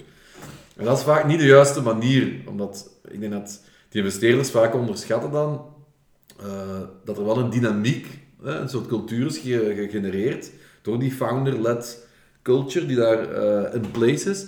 Eh, en om daar in één keer dan zo'n eh, ervaren rot met, Ja. met grijze haren eh, binnen te duwen die al succes bij Norton gehad heeft of whatever. Mhm. Op papier klinkt dat heel goed, in de praktijk is dat heel vaak een, Ja. een, een, een, een, een rampscenario wat dan gebeurt. Hè. Dus de, de, de, de, mo- de moraal gaat helemaal naar beneden, de mensen zijn niet meer gemotiveerd. En dat is iets wat ik nu al een paar keer heb zien gebeuren. En dat is ook ergens bij mij ehm, waarom ik niet, of min- minder happig op, op echt VC-geld ben, denk ik, dan, ehm, dan veel andere bedrijven. Voor hen is echt zo, die willen hun eigen in, de tijd zien staan, eh, twee minuten opgehaald of iets in die richting, en dat is dan de definitie van, van succes. Ehm, ja, dat voelt dan misschien zo heel even aan. We hebben ook al mooi geld opgehaald. ehm, maar het blijste wel, meest blij waar ik ooit geweest ben, is eigenlijk de allereerste keer dat iemand 50.000 euro in ons stak. Dat was toen IMAC, dat was echt zo'n ongelooflijk yes-moment. Daarna hebben we allee, eh, veel meer geld opgehaald. Maar dat gevoel is... is eh, Ik had die bevestiging eigenlijk ook. ja, dat, ja, ergens. En die eerste 50.000 ga ik ook zo heel voorzichtig mee om en zo. En ja, meer, ja, dus dat is echt zo van, ja, onder, onder mijn kussen lag je dan s'avonds. Eh, als ik ging slapen. Nee, nee, maar dat is, zo, ja, dat is een heel andere mindset eigenlijk. En ik, ik heb nu wel het gevoel dat het inderdaad om de fundingrondes draait. Maar mensen vergeten dat uw valuatie altijd van uw bedrijf gigantisch moet meestijgen. En gaat daar straks over een liquidatie-event Ja, of ja. een event dat je bedrijf eh, eh, zou gaan Ja, verkopen. cash, ja. Op het duur, ja, op het duur gaat het niet meer, hè? omdat u, u, meestal kun je uw, valuatie niet, eh, uw waarde niet behalen, of heel vaak is dat zo. En dan komt dat eigenlijk in een soort grey zone, waar dat je niet kunt verkopen, want bedrijven zijn eigenlijk ook niet... Gaan eh, kan vast. ja, kan- niet genoeg groeien en zo, en dan, dat, is- dat is het moment dat bedrijven failliet gaan, hè, die eigenlijk heel veel opportuniteit hadden. Dus, samengevat, VC-geld, niks mis mee, maar doe het enkel als jij op dat moment de, de, de touwtjes in handen hebt. Ja. Dat je vanuit een sterke positie kunt onderhandelen, dat je duidelijker kunt inzetten, ja, onder die en die voorwaarden moet je kunnen verkopen en dit en dat. En niet als je het met je rug tegen de muur staat, vandaag veel bedrijven, het is niet zo moeilijk om dan wat geld eh, tegen je aangesmeed te krijgen, maar de kans dat je het eh, er snel maakt, door ja. moet jagen ook en dan waarmaakt, is dan relatief klein. Ehm, dat is wel een fout wat ik vaak zie. Je kunt het ook anders bekijken. Hè? Anderen zeggen ook van ja, maar je moet gewoon super ambitieus zijn en moet super snel. Snap je? Allee, ik bedoel, de, de, de waarheid zal ergens in het midden liggen. Of nee, de waarheid zal voor iedereen anders zijn, denk ik. Nee, maar- ja, ik denk dat ook vooral. Hè. Ja. Eh, Ik was vroeger stond ik echt aan die andere kant en ik ben ook aan het babbelen met die mannen van Showpad en zo. Eh, en die investeren zelf ook en, en heel open gesprekken daarmee. Maar als die investeren in een bedrijf, wil die gewoon copy-paste Showpad model eigenlijk. Hè? Dus eh, gigantisch veel investeringen en om, om bepaalde groei eh, te, te blijven halen. Eh, en bij één product lukt dat, bij een ander product lukt dat niet. Dus ik denk gewoon dat je jezelf, je markt, eh, je mensen, je product, dat je al die zaken heel goed moet beheersen en dan zelf aanvoelen wat op dat moment de beste keuze voor je is. Omdat er eigenlijk geen goed antwoord is op die vraag. Ja, ik denk dat dat persoonlijk dat ook heel belangrijk is. Hè. Dat je ook doet wat voor je eigen goed voelt. Hè. Hoe, hoe groot het bedrijf ook wordt, jezelf niet, niet wegcijferen. Niet vergeten waar dat je zelf Ja. Ook een belangrijke rol te spelen naar jezelf toe. Door wat je wilt uitkomen, dat is uiteindelijk ook heel belangrijk. En dat heeft veel, veel meer te maken met de invulling van de taak dan echt wel de, de, het, het, eh, hetgeen dat er op je, eh, op uw naamkaartje staat, denk ik. Eh, CEO klinkt altijd heel leuk. En ik, ik herinner mij de film van, van. Facebook, eh, CEO Bridge. Ik of, of, het, of het echt zo dat gebeurd is, dat ik wist weet ik niet, maar eh, ja. Ja, dat is wel echt gebeurd, denk ik. hè. Ik- Ja, ik, ik zie het hem ook wel doen, eh, maar... Ja, maar het was iemand anders wel die de... Ja, ja. Maar Ja. ik was er niet bij in ieder geval. ja. Dat is, dat is ook pas een gemiste kans, hè, als je daar effectief daarbij werd. dan. Ja, maar iedereen heeft ooit wel eens bananen Facebook gemaakt. Hè? Dat is ook zo de, dat zijn zo de typische war stories van eh, ik heb wel geen risico genomen, maar heel concreet. Ja, ja. Ik deed mijn stage bij... Had ik dat en dat gedaan? Je ken de Praga aan? Ja, Ja, de muziekartiest. Ik heb een Ja. stage daar gedaan, maar we spreken over lang geleden. Hè. Eh, toen, ergens in het oprichtingsjaar van, van, van Facebook, wat is dat, 2004 of zo? Ja. Of, Ja, het was in ieder geval, ja, Facebook, maar ik, niemand kende hem. wel. Ik kende Facebook niet in ieder geval. Ehm, en die zat heel sterk in de muziekindustrie en dan kwamen we eigenlijk met het idee van, hem als we nu eens een community bouwen rond eh, verschillende, eh, waar ze eigenlijk de, de universiteiten gekozen hadden, maar dat, we kennen Facebook niet, hè. Eh, dachten wij, ja, discotheken waren toen ook hot and happening, wij dachten eigenlijk vanuit die communities te starten. En dan kunnen die mensen online babbelen over, en die feestjes komen eraan, en dit en dat. Dus eigenlijk hetzelfde model, maar op een heel andere niche gefocust. Eh, en dan was mijn stage daar gedaan. Ehm, en dan wouden ze mij eigenlijk een vaste job aanbieden, maar ik was, ben niet echt de persoon om in loondienst ergens te gaan, maar ik dacht, ik kan dan misschien als freelancer of zo. Dat was allemaal niet zo duidelijk. Ehm, dus toen is eigenlijk gewoon niet doorgegaan op het feit dat, eh, dat bedrijf zo goed als failliet was eigenlijk, en ze konden niemand betalen, snapte? Gingen we anders een nieuwe Facebook geworden zijn? Absoluut niet. Maar het zijn van die grappige verhalen, Ja, ja. dat je zo ziet dat er zo parallellen lopen vaak tussen wat je gedaan hebt. En gewoon zo heel veel mensen dat vertellen van, ja, maar toen dat ik, ik ben naar Facebook, ik, ik, ik vertel dat eerder ludiek van, allee, Stel ja. niks voor. We hadden wel een soort basisplatform. Ja, maar het heeft, het heeft te maken met zoveel verschillende Ja, factoren. Allee, voilà. Het feit dat hij in Harvard zat, waar dat zoveel mensen zitten, jonge mensen die zo dynamisch zijn, Ja. dat hij net het, allee, misschien de juiste, de juiste vrienden had of, of zo waar is. eh. Die geld genoeg hadden. Voilà, het heeft met zoveel dingen te maken. Ja. Eh, er, zijn, allee, er zijn zoveel factoren die daar invloed op hebben. Ik denk niet dat je, dat je, dat je zoiets echt eh, kan, kan repliceren. Nee, nee. Dat, is, dat is geen formule. Er zijn zoveel, te veel factoren waar je geen invloed op hebt. Dus, Nee, maar eh, allee, één keer en dan, laat ik, dan stap ik ermee.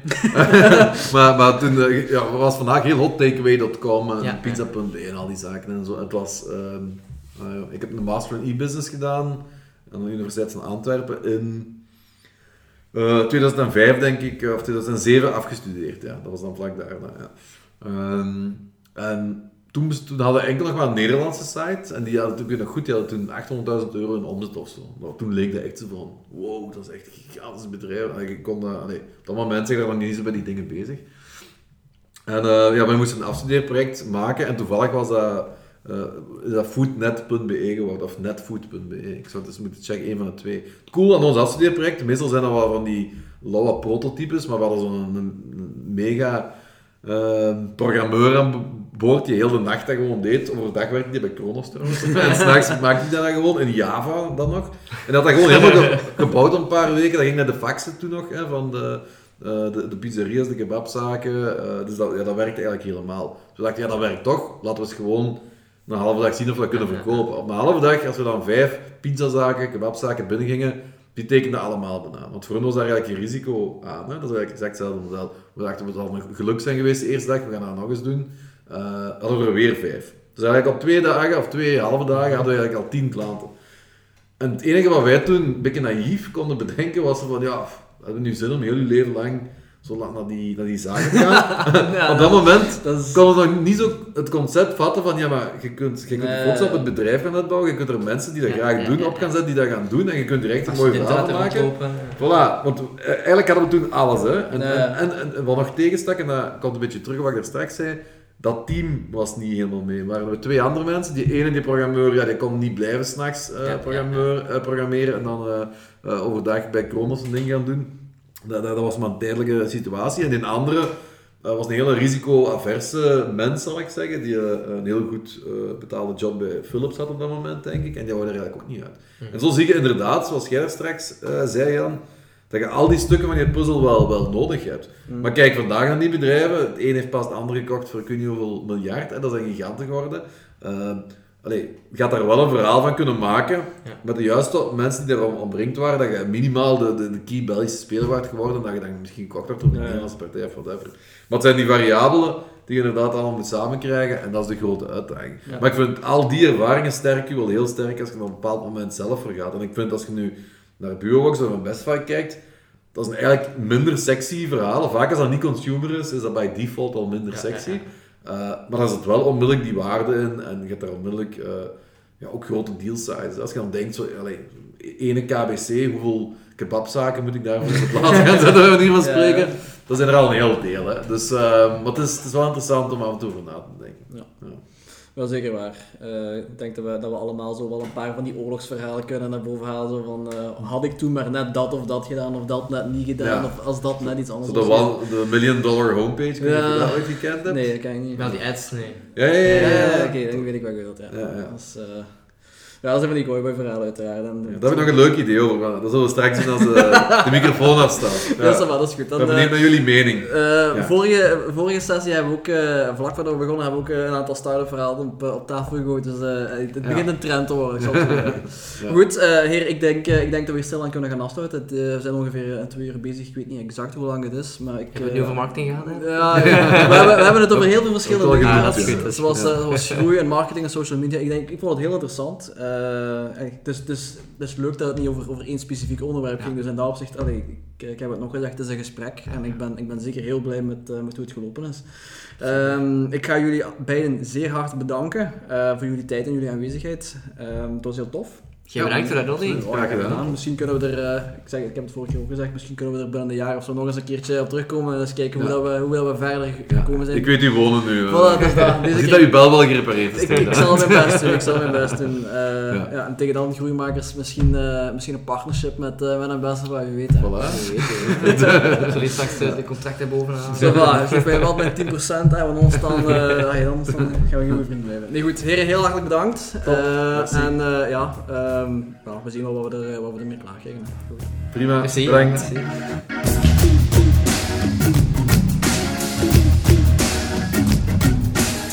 Hallo allemaal en bedankt voor het luisteren naar deze aflevering van de Business Mindset Podcast. Hopelijk was het voor jou net zo interessant als voor ons tijdens het gesprek. En heb je er één of meerdere dingen kunnen uithalen voor jezelf of om anderen te helpen in hun onderneming. Voor meer informatie over mijzelf, de gasten of tools, boeken of concepten die we besproken hebben tijdens de podcast, kan je altijd terecht in de omschrijving van deze aflevering. Heb je genoten van de podcast? Vergeet dan zeker niet om het te delen op social media. Dit helpt ons enorm om te groeien en om een groter publiek te bereiken. En hoe sneller we groeien, des te meer tijd we kunnen vrijmaken voor interessante gesprekken waar we zowel zelf als jullie iets kunnen bijleren. Heb je verder vragen of heb je feedback over wat we besproken hebben tijdens de aflevering? Of tips of verzoeken over onderwerpen die we kunnen behandelen? Of wil je iemand aanraden als gast tijdens de podcast? Laat het dan ook zeker weten. In de omschrijving van deze aflevering vind je een link naar alle social media accounts van de podcast. En daar kan je ons altijd op bereiken. Volg ons zeker ook op social media, dan blijf je altijd op de hoogte van de nieuwste ontwikkelingen en van de volgende afleveringen. Thanks again en tot de volgende keer.